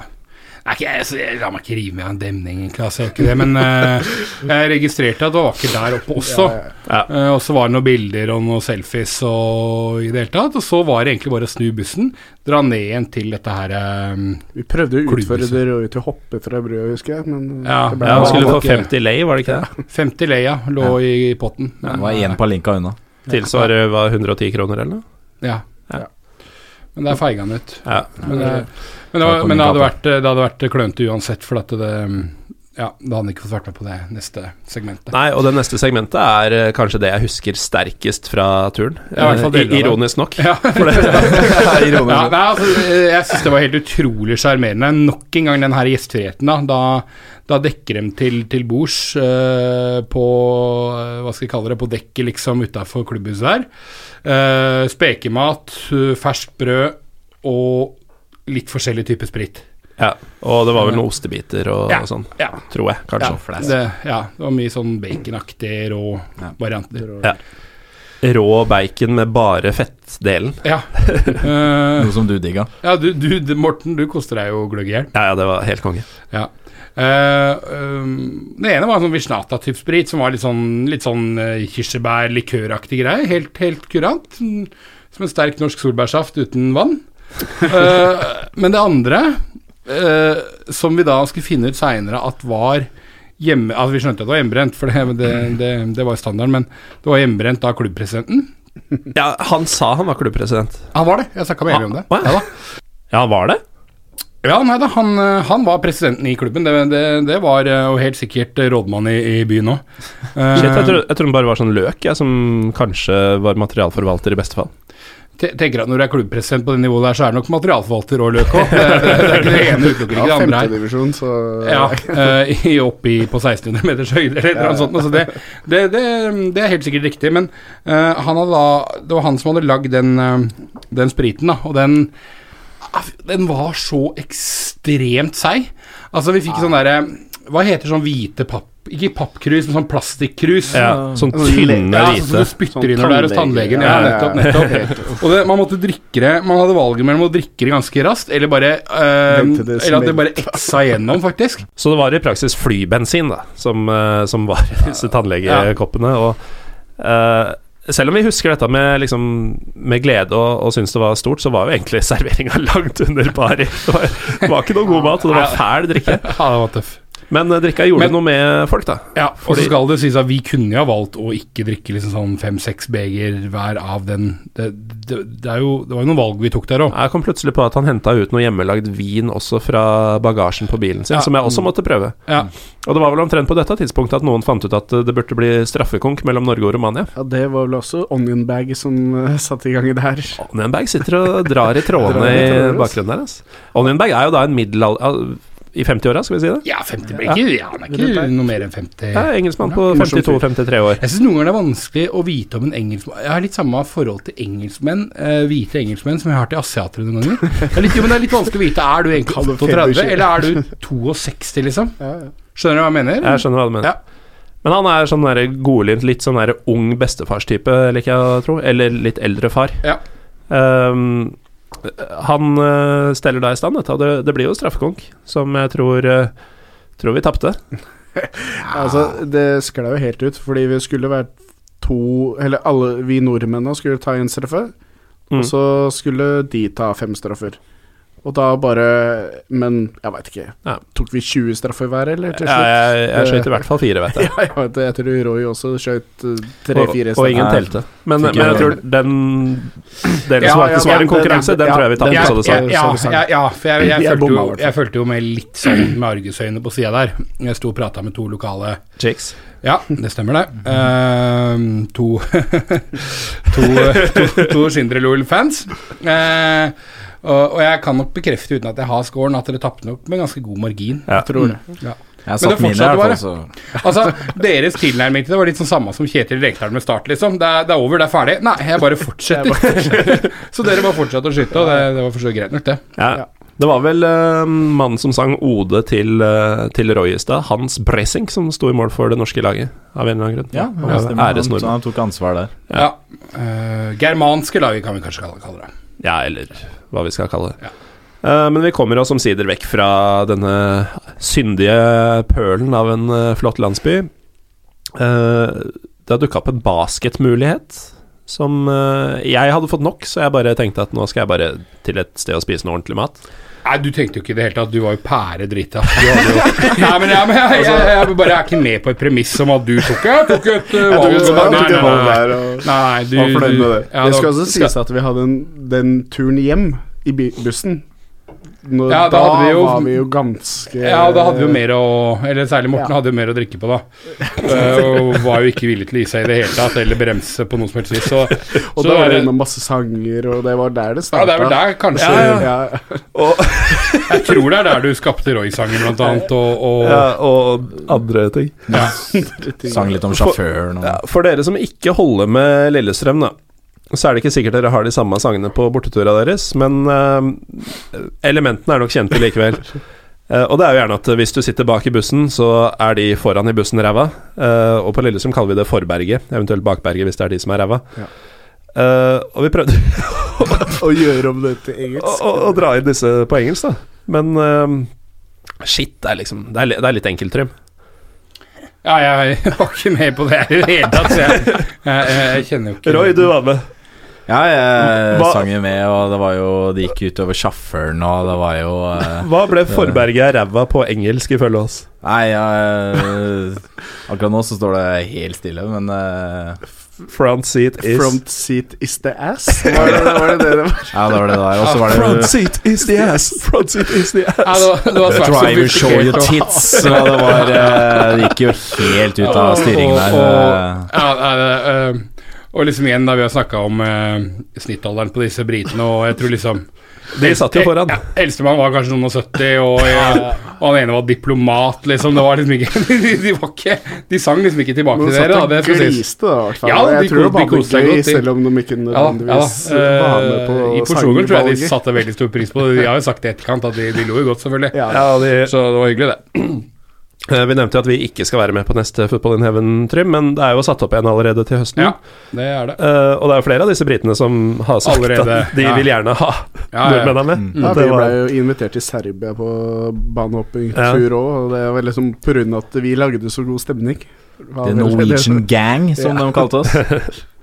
Ja, det var, det var fint, det. Ja, ja. Men uh, Front City Yes er ikke, er, ikke- er ikke mitt stolteste øyeblikk sånn lyrikkmessig, men samtidig syns jeg det var veldig, veldig veldig morsomt. Ja, Og Det var morsomt i hvert fall fortsatt. der og da. Og fortsatt. Ja, det er, det er fortsatt det. det. er- Og Driver Show Your Tits også, til en fyr som ikke snakker et kvekk engelsk. Um, men eh, jeg prøver jo da etter beste evne å finne meg noe mat. Eller jeg gjør jo ikke det heller, jeg resignerer. Eh, Mens dere andre dere er på basketkamp. Ja, du fada ut, på en måte. Svant hen. Ble en gråsone. Ja. Nei, det var, det var mulighet til å Det var egentlig ikke scheduled, og det er jo Egentlig så er det jo sånn primært Det er jo primært fotball disse greiene går i, men eh, det dukka opp en mulighet til å se basketball fra eh, toppserien i, i Romania. Og Romania, som de andre nabolandene rundt der, da, det som er så fett, er jo det at uh, det er jo flere idretter som er svært. Eh, så de tre av oss som på en måte var, eh, hadde evnen til å gå på to bein, uh, takka ja til det. Eh, det vil da si alle bortsett fra deg, Morten. Eh, Jeg skjønte det. ja. Uh, bare notis til lytterne, slik at det, skulle understrekes. Uh, og da var det vel uh, Oradia mot, mot Sibio som spilte basketball i en, i en seriematch der, da. Og, Utsolgt. og helt helt utsolgt. Vi var veldig heldige som fikk billetter siste holdt på å si last minute. Eh, courtside tickets, og, og de kosta 15 kroner. Eh. Eh, Bokstavelig talt. Ja, jeg tror det. Ja, det var Nei, det var det 15 Nei, da kan det ha vært 30 kroner. Ja, kanskje. Ja, samme, det var, det, ja, det, det var ikke så veldig mye. Det mye. kosta mindre enn det koster å pisse på Oslo S. ja. uh, hvis det er en referanse. Men uh, nei, kjempekult. Det er Stappfullt, og, og to langsider med hjemme, hjemmepublikum som var stående, hoppende og syngende. Bra, bra trøkk. Og ja, til dels en spennende kamp, og uten at vi trenger å gå så nøye inn på det. Tok du med deg noen spesielle opplevelser fra denne basketmatchen, eh, Roy? Ja, eh, først og fremst så fikk jeg jo meg skjerf gratis av eh, snille han ene som var med som fotograf. eh, Adrian. Rumeneren. Ja, Adrian, ja. Eh, fikk med meg det. Eh, det var ikke øl på kampen. Nei, det var ikke. Det var ikke det, nå? Nei, det var litt mer sivilisert. Mm. Det var litt kjedelig. Eh, Ny, moderne arena og ja, Ja, og eh, re- relativt moderne, i hvert fall. var egentlig ganske bra at jeg kom meg inn nå, så jeg prøvde å betale med norske penger. Eh, ja. Ute og reise litt, så litt sånn forskjellige To ganger, faktisk. Ja, ja. ja, ja, var- Og så er det litt sånn var- litt er jo litt herlig, for at i Øst-Europa, så hvis du kommer med norske penger, så vil jo det ofte man, man tenke at det, det må jo være bra, men, men det er jo sånn at Lane er jo sånn ganske nøyaktig dobbelt så mye verdt, så det var jo ikke bare at du prøvde å betale med norske penger, du prøvde konsekvent å betale bare halvparten av det du skulle. Ja, så Nei, det var eh, kult. Det var eh, hjemmelaget som eh, vi holdt med da, selvfølgelig. lå under ganske mye. og det var en sinnssyk match. Det ble avgjort i siste sekund. Så, Ja, på buzzer så bommer de og vinner der Bomme Mikke, på en løp layup med ett poeng bak, eller noe. Ja, noe sånt. så veldig kul opplevelse, faktisk, for de, de som var der. Du Stefan, husker du noe Men man måtte ha vært der. Husker du noe av dette, eller? Ja da, jeg husker alt, jeg. Det var uh, god stemning, og nå har vi jo vært på faktisk en del basketballkamper i, i forskjellige land nå, hvis Mm. det har Altså- passa seg. Så er det jo ofte det, da, og særlig kanskje Øst-Europa, men at, at eh, nettopp basketballmatchene får du, du får så innmari bra kok fordi det er, Ja. eh, det er Ja, nettopp fordi det er en hall og tak og den type Mm. ting. Og det, Det det samme får du selvfølgelig på de bra hockeymatchene i Norge, men ellers er det ikke så mye halvidrett i Norge hvor du får det, Mm. får det koket som du får der, da. Um, så det var, det var fett. Jeg var egentlig ikke klar over at nivået var så høyt heller. Uh, Romania baseball så tenker man jo ikke så veldig mye annet enn George Morishan, som var eh, ja, bokstavelig talt svær på 90-tallet. 2 meter og 32. Jeg Største ikke det som har engang, eh, heller. Største som har spilt i NBA. Uh, men utover det så, så var jeg ikke klar over at nivået var såpass, da. Nei, så dere hadde en hyggelig kveld, dere, da. Ja, Ja, vel, vel verdt et besøk Ja, for, for, alle, for alle som var med. Er det noen som vil vite hva jeg drev med den kvelden? Ja, gjerne. Ja, det skal jeg også Ja, gjerne ja, jeg absolutt ikke, men uh, Nei, det, det ryktes Eller uh, lang historie kort, da, så var det jo stad, veldig mange da vi møtte gjengen igjen uh, morgenen etter, som først og fremst kom bort for å spørre om det gikk bra med meg. ja, men som klappa deg litt på skulderen. Ja, litt sånn herre Du stoppa aldri, eller? How are you? Nei, det var folk jeg trodde jeg aldri hadde Som jeg ikke hadde hilst på. Det bare var sånn communal uh, følelse av at nå må vi passe litt på Morten. Så det, det gikk et rykte om at noen hadde funnet meg sovende på do på sånn sportsbar eh, som vi prøvde å se i Romania-Sverige. Eh, Sverige-Romania var det. Det var nok den flybensinen. Tror du det, eller? Det var altså 16 timer i steikende sol som vi ikke var forberedt på. Nei. Vi var jo også veldig usikre på om vi i hele tatt kom inn i leiligheten, fordi vi fikk jo aldri tak i deg på telefonen eller noen ting. Så, så Trym var jo ganske fast bestemt på at han skulle ha senga mi hvis vi, hvis, hvis vi ikke fikk opp døra di.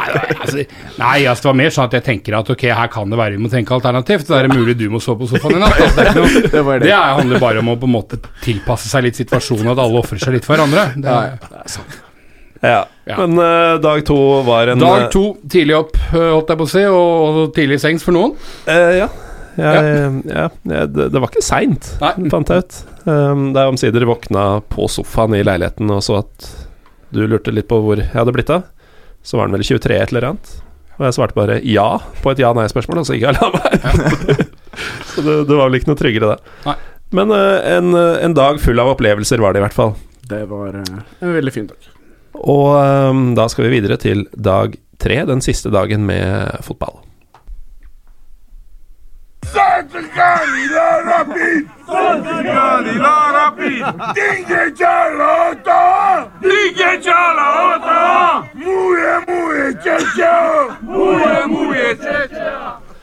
Det var da uh, Jeg vet ikke helt hva vi skal kalle denne karakteren. En fyr på fotballkamp i rumensk fjerdedivisjon.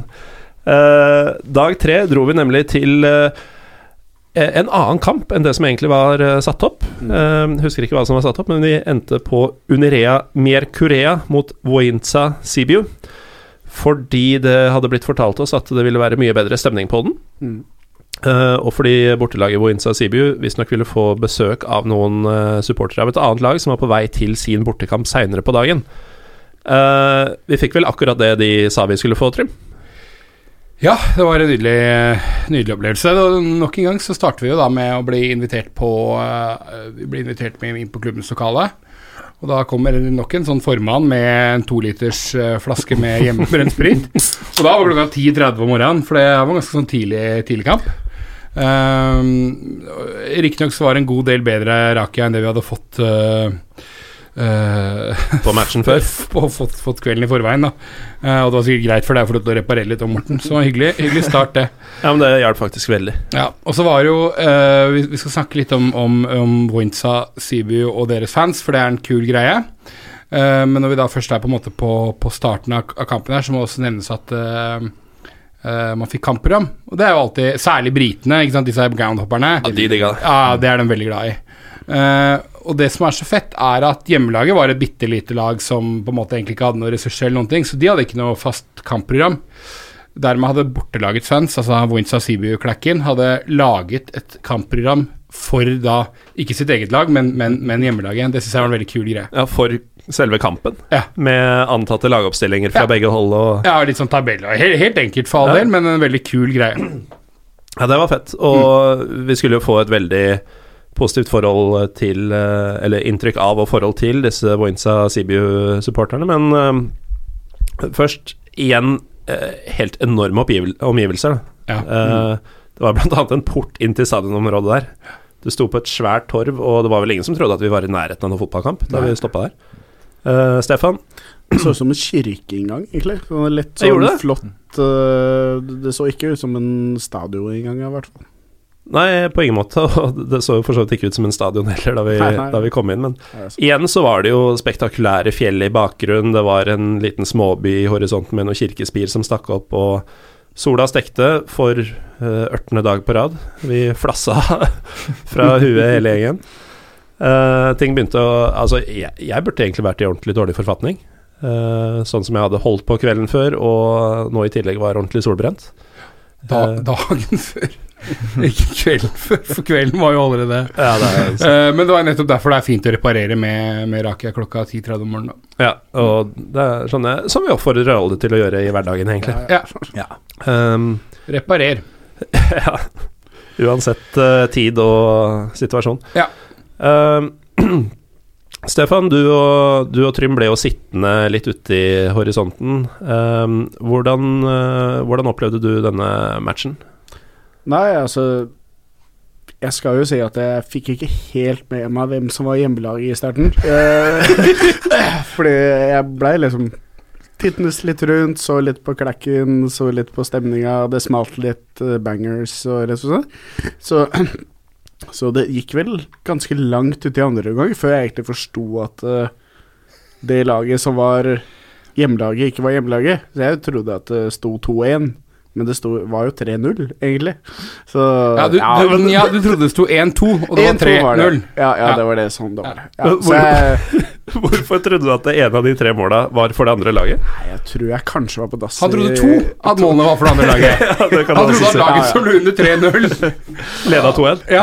Ja, ja. Jeg har ikke noe godt svar Nei, på men det. Men jeg var sikkert på dass akkurat det- ved det ene målet. Så Ja, det var nok det. Ja, og da jeg flippa to andre opp. akkurat det. Uh, det er fort gjort, tror det, men jeg gleder meg at uh, det er lov å være litt sliten etter at man har uh, vært i en trang, tung buss og kjørt, eh, kjørt, kjørt langt, og det er litt over tregrensa, og det er litt, eh, litt, eh, litt sprit involvert òg, men der, der var du Der var du- der var du sigen, altså. Ja, begynte å bli litt Ja. sliten. Du henviste vel også til at det var første omgang, og da var vi 70 minutter ute i kampen, så da, da, da var du ikke ikke ja, helt Stemmer det. Jeg lurte på om Ja. det pausen hadde vært ja. Ja, Stemmer det. Ja, det var- Men det er lov. Men uh, det starta jo egentlig litt med at eh, For det første var vi fascinert av at det var en såpass uh, høylytt og visuell eh, klekk Ja, på vel, eh, et det hadde vi ikke sett på noen av de andre kampene ellers. så Det var Nei, det hadde fint. vært litt sånn enkel chanting Ja, av veldig- hjemmelagets navn eh, en gang eller to. Ja, Landsbyoppgjøret i Goraralo var litt Det var Ja, litt det var litt, men det var, ikke, det var ikke ultras, liksom. Nei, ikke sant. Og dette, dette var jo faktisk Ja. klassiske ultras. Og ehm, det begynte jo egentlig med at vi, vi så litt på dem, og så hadde vi lyst til å kjøpe skjerf. Og etter et par av uh, klubb, hjemmelagets palinkaer, så tok jeg mot til meg og gikk bort og uh, Ja, skulle egentlig bare ta et bilde, men så ble jeg dratt litt inn i suggesjonen. Og Roy, du kom etter meg. Ja. Han uh, fyren som drev og gaula på opptaket her for litt siden, han hadde jo også med seg palinka. Herlig fyr. Vi tok litt av den òg. Ja, ja. Herlig fyr. Og før vi visste ordet av det, så sto vi med hvert vårt kjempeflagg og, og hoppa og sang med på sanger og Det ble til slutt baris òg. Ja, vi ble absorbert Ja. Så- inn i Voinsa Sibiu Ultras-gruppa. Mm. Det var uh, bra medisin, syns jeg i hvert fall. Ja, det var, det var faktisk eh, en av høydepunktene. Det var eh, deilig, egentlig. Du sto der i solsteika, selvfølgelig solbrent i trynet og likbleik på resten av kroppen. Og sto Drit fyllesyk. og- Drit fyllesyk. eh, Sto der i baris, og resten av kroppen var eh, likbleik som eh, ordentlig norsk eh, Ja. Så nei, det var herlig stemning borti der, og de fyrte av banger som jeg ja, skvatt et par ganger av, for å si det sånn. Eh, og mens vi, uh, mens vi sto og hoppa og sang og flagga og ble sprengt, så lærte du litt om eh, Voinsa Sibiu i mellomtida, du, Trym? Ja, for man blir jo fascinert når man, man ser det greiene der. Som sagt, både at de var en klekk som sto oppe og sang, og bra trøkk. Selvfølgelig, hvor mange var de? 50? 40? Ja, Altså, nærmere vi- 40 enn ja. 50, tror jeg. Ja, ikke sant? Så, men, eh, men full av lidenskap. Og eh, greia er jo det at Voinsa Sibu er eh, Sibu, som veldig mange andre rumenske byer, har hatt en haug med fotballklubber opp gjennom åra som har dårlig drifta av det ene og det andre, og gått på trynet og, og blitt gjennomstarta og det ene med det andre. Vi har snakka en del om Staua Bucuresti i ulike episoder tidligere, og dette med FCSB eller FCFCSB Mm. og alt dette tullet og det røret her. Uh, og Voinsa Sibu er egentlig sånn eh, hva skal man kalle det, Phoenix-klubb som er starta i asken av en eller annen klubb som, som da gikk konkurs for noen år siden, og nå er driftet av utelukkende av fansen. da. Um, og det er en kul greie.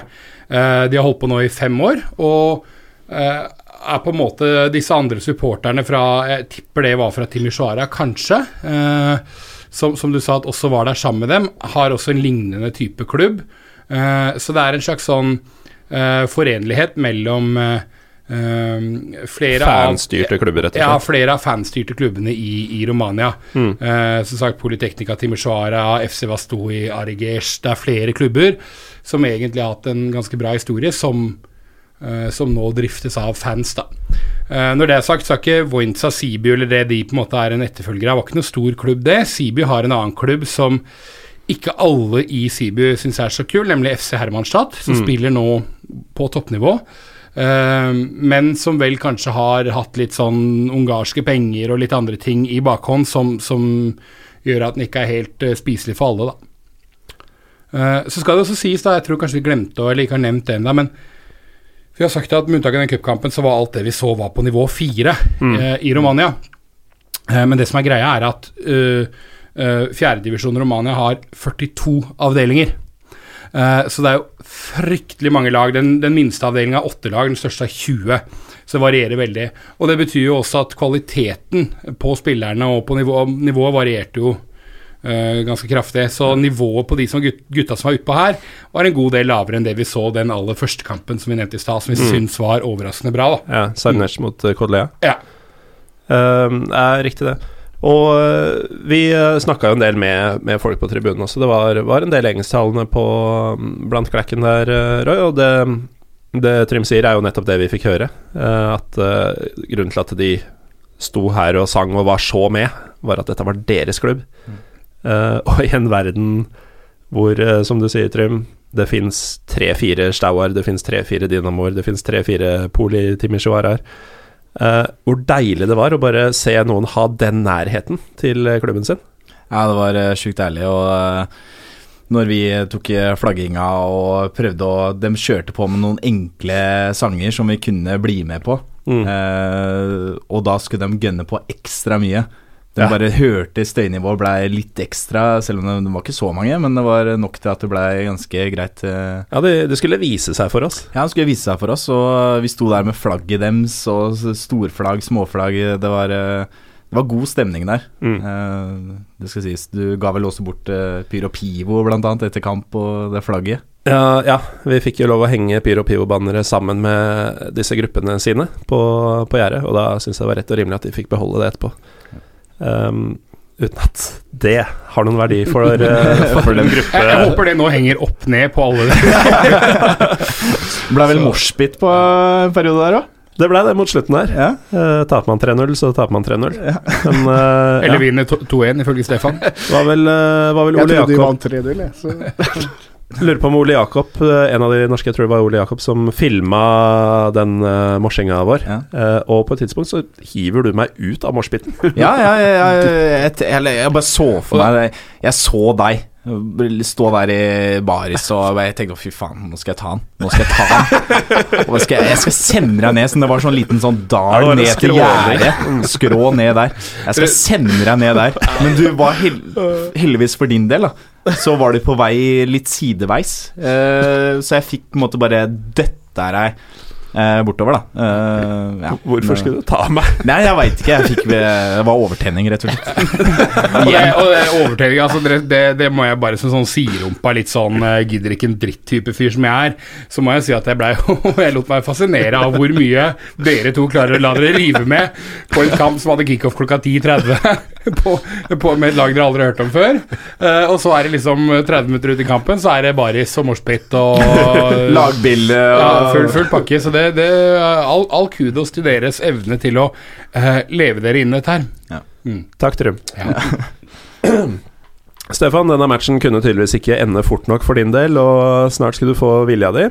Vi um, Kampen slutta, vi var på vei ut av stadion. Ja, ja. Så var det en fyr som solgte rakia fra bagasjen sin. Ja, fra, ja, stemmer det. Stemmer det, hadde jeg glemt, faktisk. Ute, ut Var det godt, eller? Uh, altså, jeg hadde jo egentlig ikke lyst på mer rakia akkurat der og da. Før, uh, før Trym bare Nei, vi tar én.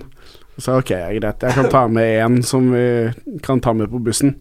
Men vi, vi fikk jo servert i, i glass, altså ordentlig glass, ikke plast. Melkeglass. sånn Melkeglass. hjemme- Det kunne du ikke ta med deg og gå. Nei, jeg følte ikke jeg kunne stjele glasset hans, liksom. Så, så, så ok, da får vi ta noen sipper, da. Men jeg skjønte jo det fort at uh, ikke Vi må jo gå. Alle andre var jo borte. Så da fikk jeg streng beskjed av Trym at uh, nå må du drikke opp. Så greit, da tok jeg shotta, da. eh, det, og det da, da Ja, det var ikke noe gøy. Det, jeg, jeg klarte å jobbe den ned, men, eh, men eh, den satt Den var seig. Trym, du syns det var gøy? Ja, jeg syns det var rasende fest. Altså, det- det var- Det- altså, jeg har jo Så det ja, jeg har vært litt på spritfylla med, med, med Stefan i Slovakia annet før. Og det som er litt gøy med Stefan, er at han får en han får en umiddelbar reaksjon. Ja. De fleste som har drukket for mye, blir sånn 'Å, fy fader', ta- det tar liksom noen sekunder da før det går gærent.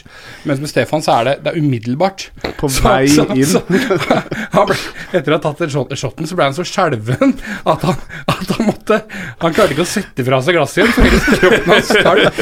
Så han, han holdt det glasset i høyrehånda, så måtte han ta tak i høyrehånda si med venstrehånda for å klare å, å, å, å skjelve det glasset Nei, nei, nei, nei, nei, nei, nei, nei, nei, nei. Da hadde det ikke bra i det hele tatt. Um, eh, og det skal sies at det, det også var en ganske hard Det var en ganske hard rakia, det var det. Så, så for all del um, to, to tomler opp uh, for at du tok det valget, og, og, og fullføre den. Det måtte, måtte jobbes fælt, eh, men det gikk ned. Det Ja. gikk ned. Og fra en knallhard rakia til eh, turens hardeste by. Ja, Um, så til de grader. Mm. matchen, den siste matchen på, på agendaen er um, Kopsjamika mot uh, Paltinish Rashinar. Um, Trym, på episode 100 på Edderkoppen fortalte du litt om hva vi hadde å forvente når vi skulle til denne byen eh, Kopsjamika, men uh, for, for, Ja. for de stakkarene som ikke løste billett. Ja, um, altså Kopsjamika er jo en uh, uh, interessant by i, i, ikke i Europas beste forfatning. Tidligere sånn industriprosjekt for Ceaucescu, med litt sånn metallsmelteri og en del andre typer ting som, som var ekstremt giftig for innbyggerne som bodde der. da. Eh, så det er sånn uh, Snittlevealderen er, er liksom ti år under resten av Romania, og sikkert hermed enda en god del mindre enn eh, snittet i Norge, f.eks.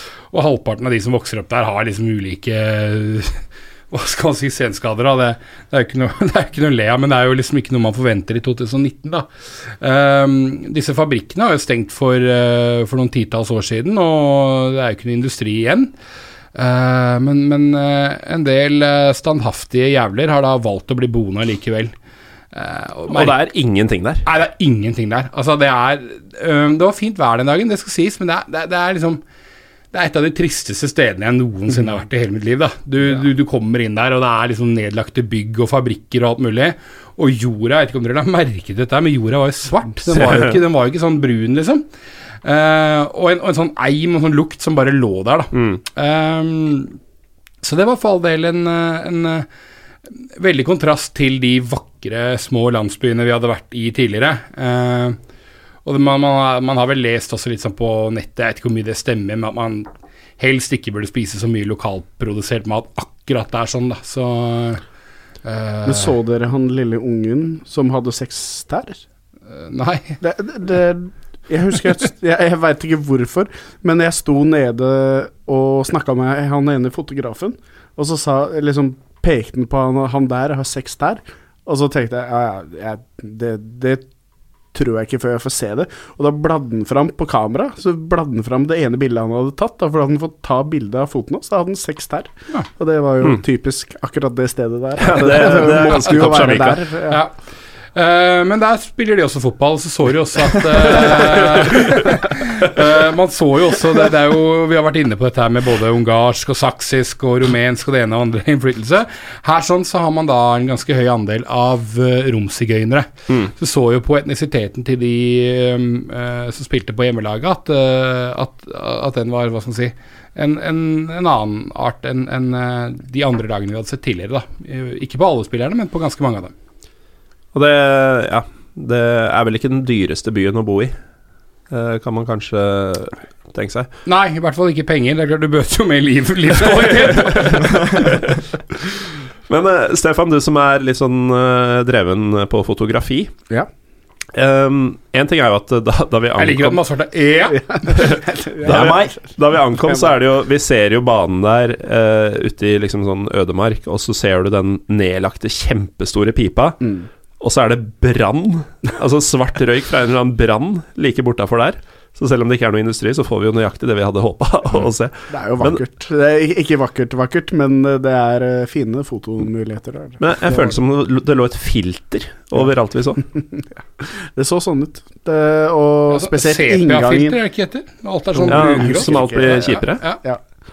Og så spesielt inngangspartiet var veldig, veldig, veldig slitent. Det var Mm. sånn grått og Ja, det så ikke ut som det hadde vært eh, gjort noe der på 60 år.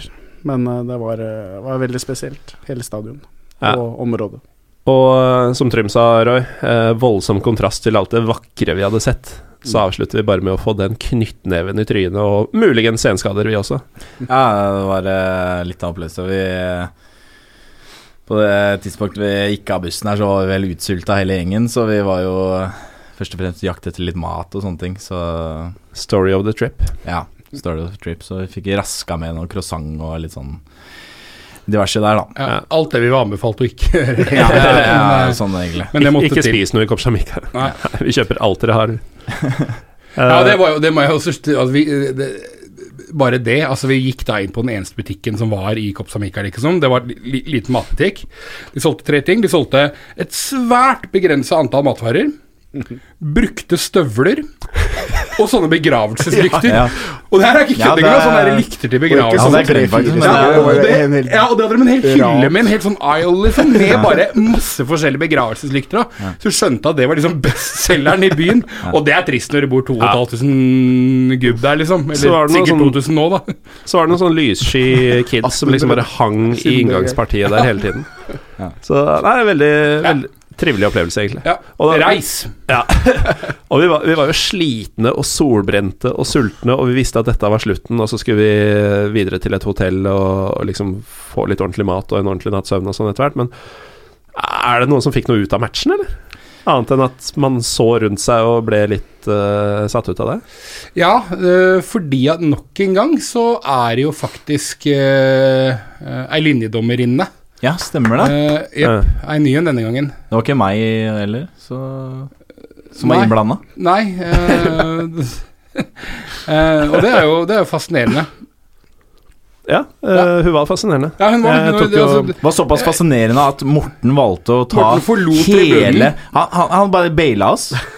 Jeg, jeg fikk ikke mer sånn fikk, At den ga beskjed heller. At uh, nå stikker jeg tar en liten tur her. Men uh, det kan godt hende Ja, jeg tror jeg sa det. Mot, nei, motsatt nei, nei, nei, for, å, ja.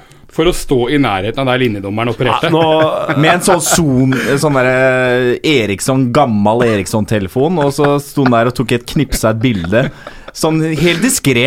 Helt diskré. Det var ingen så som så det. bak. Ingen som så det fra motsatt side, at han uh, skulle ta et bilde av den linjedommeren. da For ordens skyld så var jeg innom mange folk på den runden min Ja, og, ja. og, og snakka blant annet med de rumenske fotografene. Uh, og at hun sto i veien akkurat da jeg skulle ta et bilde av kampen. Uh, et par bilder av kampen. det var jo reint tilfeldig, må dere tro. Ja. Men for de svært interesserte så blir det da et, eh, et tungt tap for hjemmelaget. Ja. I fotballen som i livet fire. generelt. Ja. ja. Det er en god oppsummering. Og vi har i hvert fall foreløpig overlevd Kopp Jamaica. Um, så får vi se på neste sånn helsjekk hvis man går til legen for det. Um, så skal vi få en bonusby, rett og slett, på slutten av oppholdet. Fotballdelen var ferdig, men vi hadde en kveld igjen i Romania. Hvor, uh, hvor gikk ferden, uh, Stefan? Bruk, bruk, bruk rumensken din. La meg, oh, la meg svare ja, på det. da. Jeg tror Vi- ikke tar den, jeg. ja, du var med, du òg. Jeg tror det var det. Nei, vet du hva. Vet du hva?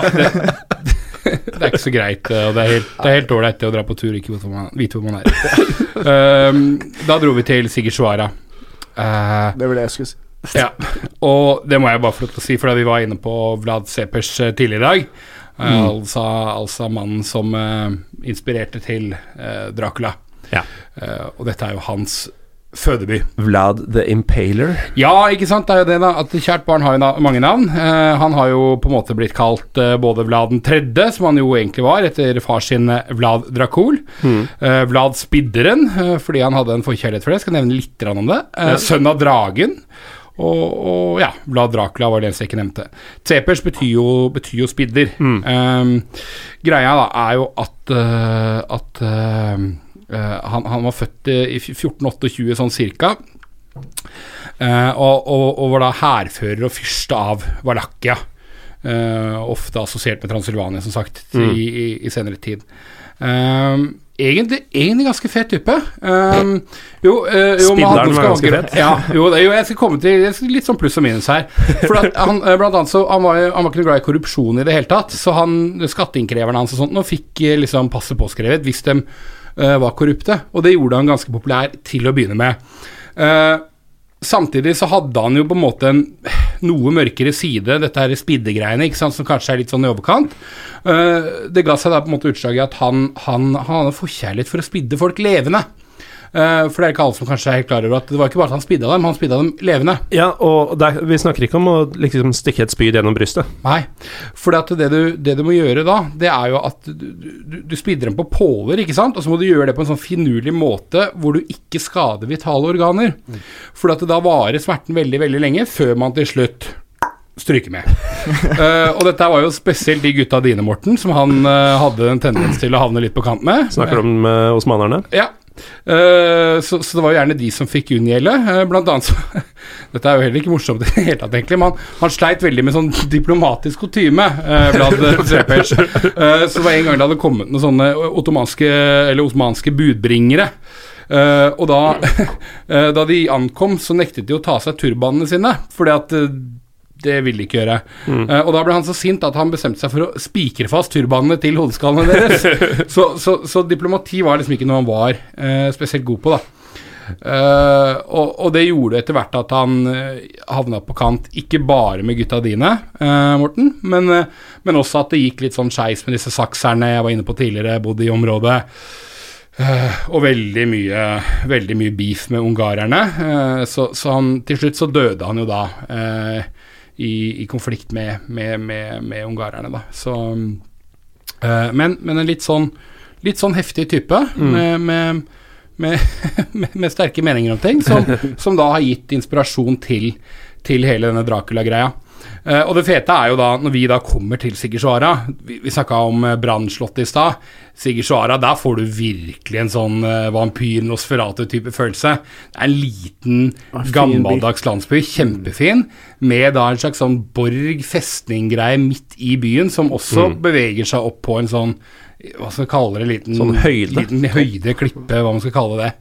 Uh, og da vi da kommer dit, ankommer der seint på kvelden, så, så føler du at dette er slottet Følte eller det var noen flaggermus og gargoyles ja, som, som, som, som drev og fløy rundt. liksom. Det, det er ganske, ganske fascinerende. Så man, man kan jo godt skjønne hvorfor uh, uh, både denne karakteren og, og landskapet for øvrig har gitt inspirasjon til så mye sånn vampyrfiksjon, da. Ikke sant? Um, hadde du um, fikk, fikk du følelsen av at det var noe ondskap i, i uh, lufta i Sigurd Sigurdsvara, Stefan?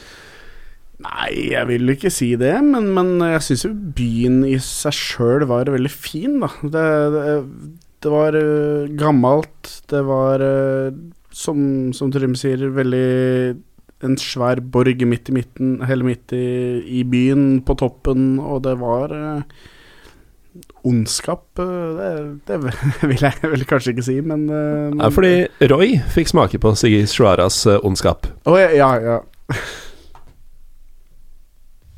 Oi, drikke masse grappa. Oeo, falle opp i trappa. Oeo, påkjørt i Romania. Takk til uh, Hans Bressink for uh, hans uh, variant av Påkjørt i Romania-sangen om Roy Sørum. Det var dit du ville, og det, nå, nå er jeg med.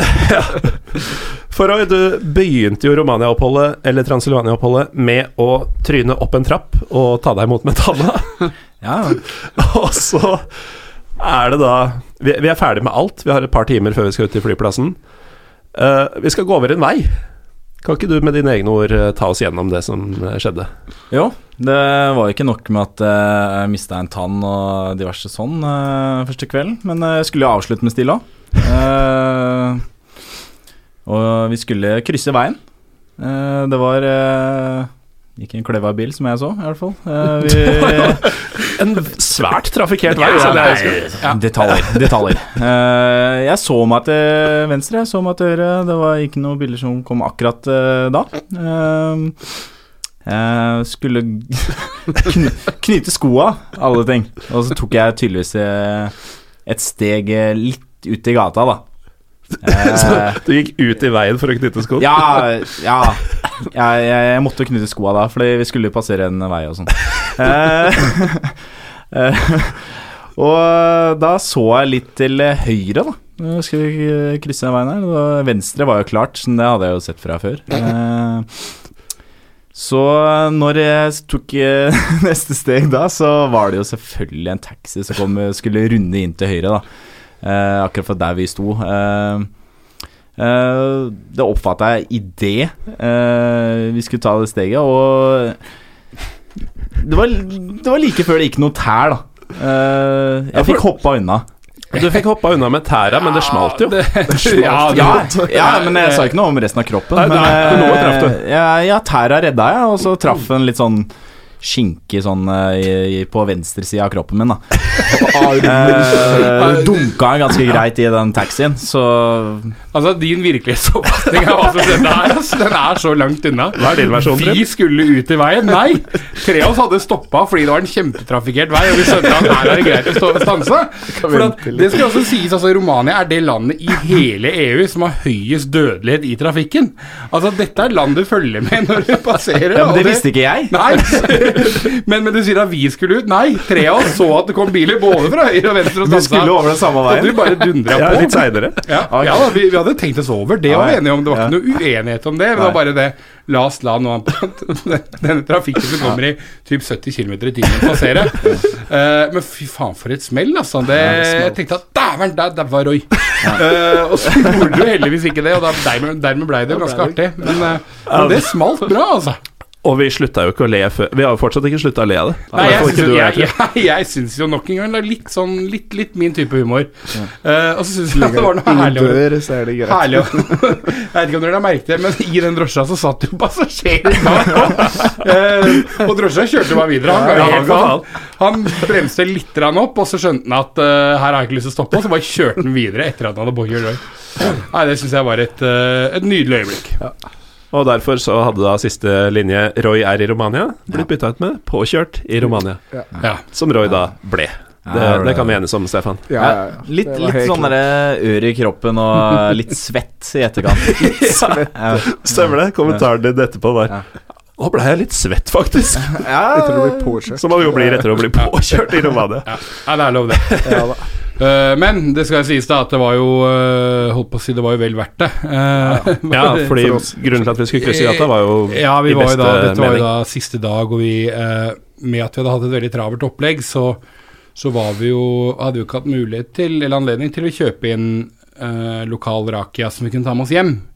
For i den grad vi hadde kjøpt rakia i dagene som hadde gått, så hadde det blitt konsumert fortløpende, spesielt av deg, Morten. Uh, og det, så så vi, vi, når vi da går rundt i byen der og begynner å liksom få litt dårlig tid til vi skal til den veldig veldig lille flyplassen, hvor vi kanskje ikke kunne få tak i noe, så var jeg litt sånn Jeg var litt nervøs. Da ble jeg litt svett. Ja, ja, ja, så jeg kan godt akseptere at en kompis blir påkjørt, men at vi ikke skal få tak i rakia, det, det svei litt. Og vi var vel innom alle matbutikker som vi klarte Ja. å finne også. Så Ja, bortimot. ingenting. Ja, vi gikk rundt på i måfå. Og i den grad det var Ja, noe, så var det ja. noen kje, veldig kjedelige varianter. Ja. Mm. Nei, det, det virka håpløst. Og så setter vi oss og tar en øl på en uteservering og spør Resolutt egentlig har gitt opp. resignert. Ja, det er det. Ja, selvfølgelig. Resolutt, sa jeg. Ja. Resignerte, ja. Eh, Det det vi men eh, vi, vi spurte resolutt eh, Ja, han eh, som jobba der, Mhm. og han sa at eh, ja, Han var ikke resignert. Nei, han var sterk og klar. Han var resolutt. Han svarte resolutt at uh, da må dere gå til Theo, og veien til Theo er opp her, opp til Nosferatu-høyden, og der, eh, der holder Theo til. Så går vi jo dit da og finner eh, Theo, og det ser ut til å være en stengt kafé. Og vi bare Nå er det ja, slutt. Tenkte at nå Ja, nå, nå, er, det, nå, er, nå er livet trist. Og hva skjedde så, Stefan? Ja, han åpna vel døra, eller kom han fra utsida? Nei, Han kom fra utsida og åpna døra. Ja, verdens minste innlevelse. Altså, det som skjer da, Morten, det er at vi, vi, vi, vi kommer til Sanadu. Vi opplever Vi opplever paradis. Ja. Fordi at der kommer Theo sjøl. Altså ikke en eller annen fuckboy som bare tilfeldigvis bor i gata, men selveste Theo fra Theos raki, Rakia-distilleri Ja, rakeri, om du vil. uh, slipper oss inn i Den hellige gral, nemlig Utafor åpningstid. Ja. Nemlig ned i Rakia-kjelleren. Mm. Ja. Og det er nettopp det det var. Det var en Rakia-kjeller. Ja, det var En temperert kjeller med noen bord som man kunne ha sånn organiserte sample-kvelder på, Ja. Deilig. og et utsalg. Av Theos egen. Det var deilig. Det var deilig. Det var deilig. Og handla vi? Ja, det er klart vi gjorde vi det. Ja, det er klart vi gjorde det. Ja, ja, ja. Nei, det var nydelig. Det var, eh, det var på en måte den ultimate Hva heter det? Kulminasjon? Er det et, er det ja, ord? ja er det det, kan, det, det kan du bruke. Ja. Uh, da var vi Da følte vi oss ikke resignert lenger i det hele tatt, faktisk. Da var det, da var det god stemning. det var god stemning. Roy var påkjørt, og vi andre var på spill. Det var liksom sånn Da følte jeg at nå, nå begynner ting å ha falt på plass. Ja. Lessa på med gratisprøver på Ja, alle ja, alle slag. Ja, Og, Helt nydelig. Vi skulle smake alle smakene hans flere ganger før Ja. vi bestemte oss. Uh, ikke fordi vi ba om det, Mm. men fordi han bare fylte på hele tida. This is apple. Drink it. Fort. Quick. Uh, han sa ikke fort. Now try this. It's plum. Ja, ja, han var fin. Han, han var jo ikke fra Midtøsten, men dere skjønner meg. Her var det vel et hotell òg, var det ikke? Stemmer. Du kunne overnatte der og fikk uh, Rakia på hotellrommet som fulgte med. Ja, det, det fulgte vel med et par liter, tror jeg. På Ja, per hotellrom man booker der. Uh, og dette er vel grunnen god nok til å dra tilbake til Sigersvara og utforske ytterligere, Trym? Ja, absolutt. Og, eh, men, men ja, som vi sa i stad, en kjempe, kjempevakker by. Og, og det er det som er greia med Transilvania, at hvis, hvis noen av lytterne noen ganger tenker at dit, dit har vi lyst til å reise, så uh, er litt av clouet at det er veldig mange forskjellige landsbyer. Eh, vi har ikke nevnt det, men vi var jo også innom Birtan, som er en liten landsby, men et helt utrolig vakker eh, kloster, eller hva det var. og, og og overalt så finner man sånne vakre landsbyer og oaser og det ene og det andre. Um, Vi har så- ikke engang nevnt den restauranten vi spiste lunsj på første dagen. Nei da, vi har um, Nei da, man, man, man, treff, man treffer mye. Man gjør det hvis man er villig til å utforske et område som kanskje ikke så mange nordmenn ofte uh, reiser til, men helt åpenbart burde. Absolutt. Og øh, vi kan jo nevne da at uh, Football in Heaven 4 allerede er øh, under god planlegging, og den skal også foregå i Transilvania. øh, med base i Brasov, som er en by du har vært i, Trym, men ikke jeg. Um, 5. til 9. september i år, tror jeg det er. Og hvis du er redd for å være eneste nordmann, så har Ole Jakob Bukten, som han heter, allerede bestilt. Han har meldt seg på og er klar. Så har du noen å snakke Chelsea eller rumensk breddefotball med. Jeg tror Helge hadde bestilt òg. Marius Helgaas skal. Ja. stemmer det. Han har meldt seg på, han også. Ja. Da Ja. er det jo nesten så jeg også må, må Man må få det til. Uh, jo, men det er jo altså Som jeg nevnte litt sånn bittert innledningsvis, jeg har jo nå vært i Romania et par ganger og vil jo gjerne bruke tid og penger på nye steder, men det er vanskelig å si nei, altså. Mm. sitter langt inne, både fordi man vet at Emanuel kommer til å levere et kjempekult opplegg, og fordi at vi da i hvert fall kjenner to hyggelige folk som skal dit, og flere av veldig engelske gutta også, eh, som er bra folk. Så dette her er noe folk, folk absolutt burde prøve å få med seg hvis de har mulighet, og, og noe jeg helt sikkert i fremtiden kommer til å bli med på igjen, hvis, eh, hvis Emanuel fortsetter å arrangere. Stefan, eh, første gang i Romania for deg. Mm. Um, du forventa stilige områder og dårlig fotball. Ja. Hvor Det- eh, ja. ja. Ble, ble det sånn?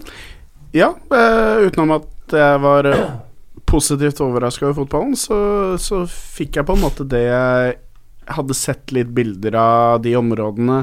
Så klart, hadde vi hatt vært der kanskje to måneder seinere, så hadde det blitt enda finere områder, fordi det var jo på en måte vår, så det var ikke, det var ikke grønt overalt og sånne type Mm. ting. Men du så jo hvordan områdene kunne vært virkelig på full sommer, så, så hadde det sikkert vært helt sinnssykt å vært der enda seinere. Mm. Men det var veldig vakkert. Veldig Eller kanskje vakkert til og med tidligere. Ja, eller tidligere. om vinteren. ja. Da hadde jo bussen selvfølgelig sklidd ned noen skråninger. Eh, men uh, hvis jeg skal be deg trekke fram eh, et høydepunkt fra turen, hva, hva vil du ha fram der? Jeg syns jo festen med, med det her cuplaget som vant, var veldig, veldig morsomt. Eh, straffekonken var gøy. At uh, Roy skada seg uten å dø, var jo veldig positivt. Uh, nei, jeg syns det generelt en veldig, veldig god tur. Er det noe lavmål for din del? Sånn ting du skulle ønske ikke hadde skjedd? Nei, egentlig ikke. Det, det, som vi har nevnt litt tidligere, så skulle jeg gjerne hatt litt mer eh, Kanskje pauser imellom, så Mm. vi kunne fått noe mat. Litt mer tid, fordi det blei veldig sånn hektisk, spesielt på morgenen. Da Mm. vi på en måte kasta med oss et eller annet på vei bort til bussen. Eh, men utenom det, så Og, og det er jo litt selvpåført også Ja, for vår del, fordi vi valgte jo ikke være på det hotellet som eh, Emanuel hadde ordna en god pris på, hvor du Ja. ville få hotellfrokost hver dag og sånn. det er. Det er klart, Vi er jo av natur egentlig ganske egenrådige fordi vi ofte arrangerer turer sjøl, og som du sa innledningsvis, Dag Morten, at dette her var første gang vi var med på en sånn organisert greie. Det er klart at Da forplikter du deg litt til å være med på på, på en måte totalpakka. Ehm, jeg er helt enig med, med Stefan. og Egentlig så burde man kanskje også, hvis man skal reise rundt i Romania, så, så bør man minst ha såpass mange dager som vi hadde. Vi var der fra torsdag til mandag. Um, men, eh, men utover det så, så vel verdt det, selv om vi gjerne kunne hatt enda litt mer tid til mm, holdt på å si flere ting. Roy, vi har jo nevnt mange av dine mulige lavmål eh, med turen, Ja. Eh, men et høydepunkt? Høydepunkt. Eh, som Stefan sa, så var straffesparkkonkurransen eh, absolutt eh, min favoritt. Eh, det var så eh, gøy å drive og ta straffespark i Palinka-rus, håper jeg. det var eh, Ja, Det må vi bare anbefale alle å Ja. gjøre. Skaff dere noe Palinka, gå og skyt straffer. Kjør på med det. Det var liksom bare hele stemninga med gjengen vi var med. Mm. Eh, Hjemmelag og landsbybeboerne og Ja, det var liksom- Og dommere, Ja, dommere. Det var liksom bare hele stemninga med de forskjellige personlighetene, alt sammen. Det var liksom sånn De hjemmelaget og De var inkluderende, de var alt sammen. Så plutselig vi fikk mat og hjemmebrent. Og Fotballfestival, rett og slett. Fotballfestival, det er bra ord. Mm. Er dere imponert over at jeg ikke har nevnt eh, det perfekte straffesparket mitt eh, før nå? Vi har vel video av det også, som uh, kan motbevise det, kanskje. Ja, ja. Nei, du, får sette i gang, da, Morten. Ja, nei, jeg trenger ikke altså. time igjen, så det er ikke å snakke om det. Nå eh, hevder eh, opptaksutstyr at vi begynner å gå tom for plass også, så vi må nesten bare runde av. Men um, Trym, eh, du elsker jo Romania over nesten alt på jord. Ja. Ehm, Nå har vi vært innom veldig mye positive ting her, men én ting som gjør at folk må til Romania. Mm. Jeg, synes, jeg tror kanskje jeg da fort kommer inn på det samme som jeg har sagt før, nemlig folket. Mm. At det er, det er noen av de hyggeligste folka i, i, i Europa. Jeg må, også, jeg må også et kjapt forhold til å si det at uh, noen ganger så blir jeg jo litt trist Uh, uh, at en del nordmenn, hvis jeg får lov til å være seriøs her, at en del nordmenn har en tendens til å tro at én bestemt veldig liten folkegruppe som holder på på en stadig holder på på en viss måte i Norge og andre land, at det er rumenere. Der snakker vi om en liten befolkningsgruppe som er 3 av landet, landets befolkning. Eh, så det er, ikke, det er ikke det som er rumenere, det er ikke det som er rumensk kultur i det hele tatt. Og jeg er veldig glad for at dere, dere nå, Morten, du hadde opplevd det før, men at dere også nå fikk oppleve hvor, eh, hvor mye kule folk det er som er der, da. Så i tillegg til både god mat, og nå har vi ikke vært så mye inne på det i dag, men, men det har vært tidligere, men, men, men det, god drikke, flotte landskap, fine landsbyer, eh, men, men først og fremst, mer enn noe annet, hvor, hvor hyggelige folka der er. Helt enig. Mye bekreftende nikking i rommet her nå. Nesten rørende å høre deg Ja, Takk for det. Dette er et tema jeg faktisk Ja, dette, dette Ja. brenner jeg litt for. Eh, og det kan vi jo ikke toppe, så vi gir oss.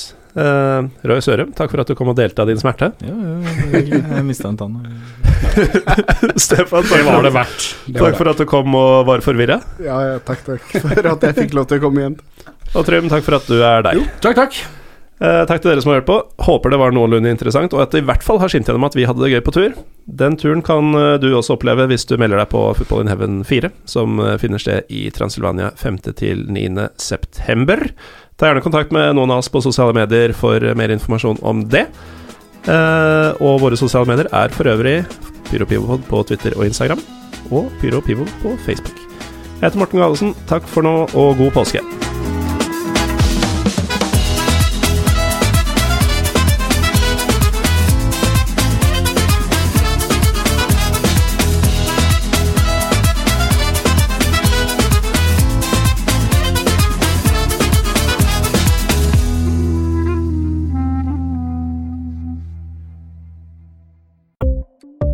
Ukens annonsør er HelloFresh. HelloFresh er verdens ledende matkasseleverandør og kan være redningen i en travel hverdag. Mange av oss har nok vandret i butikken både sultne og uten en plan for middagen, som ender med at vi går for de samme kjedelige rettene gang på gang. Middag burde være dagens høydepunkt. Som HelloFresh kan du nå velge mellom 25 ulike retter hver eneste uke, eller få HelloFresh til å sette sammen menyen for deg.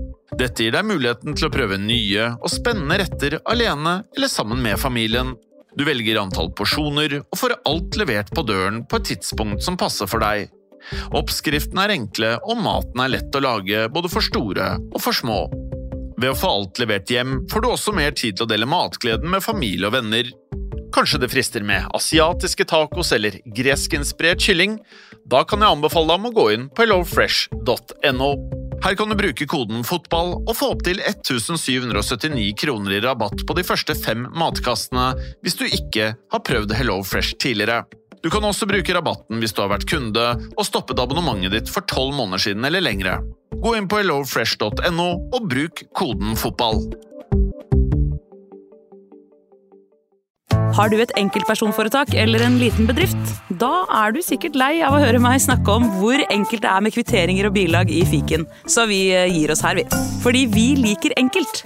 Fiken superenkelt regnskap.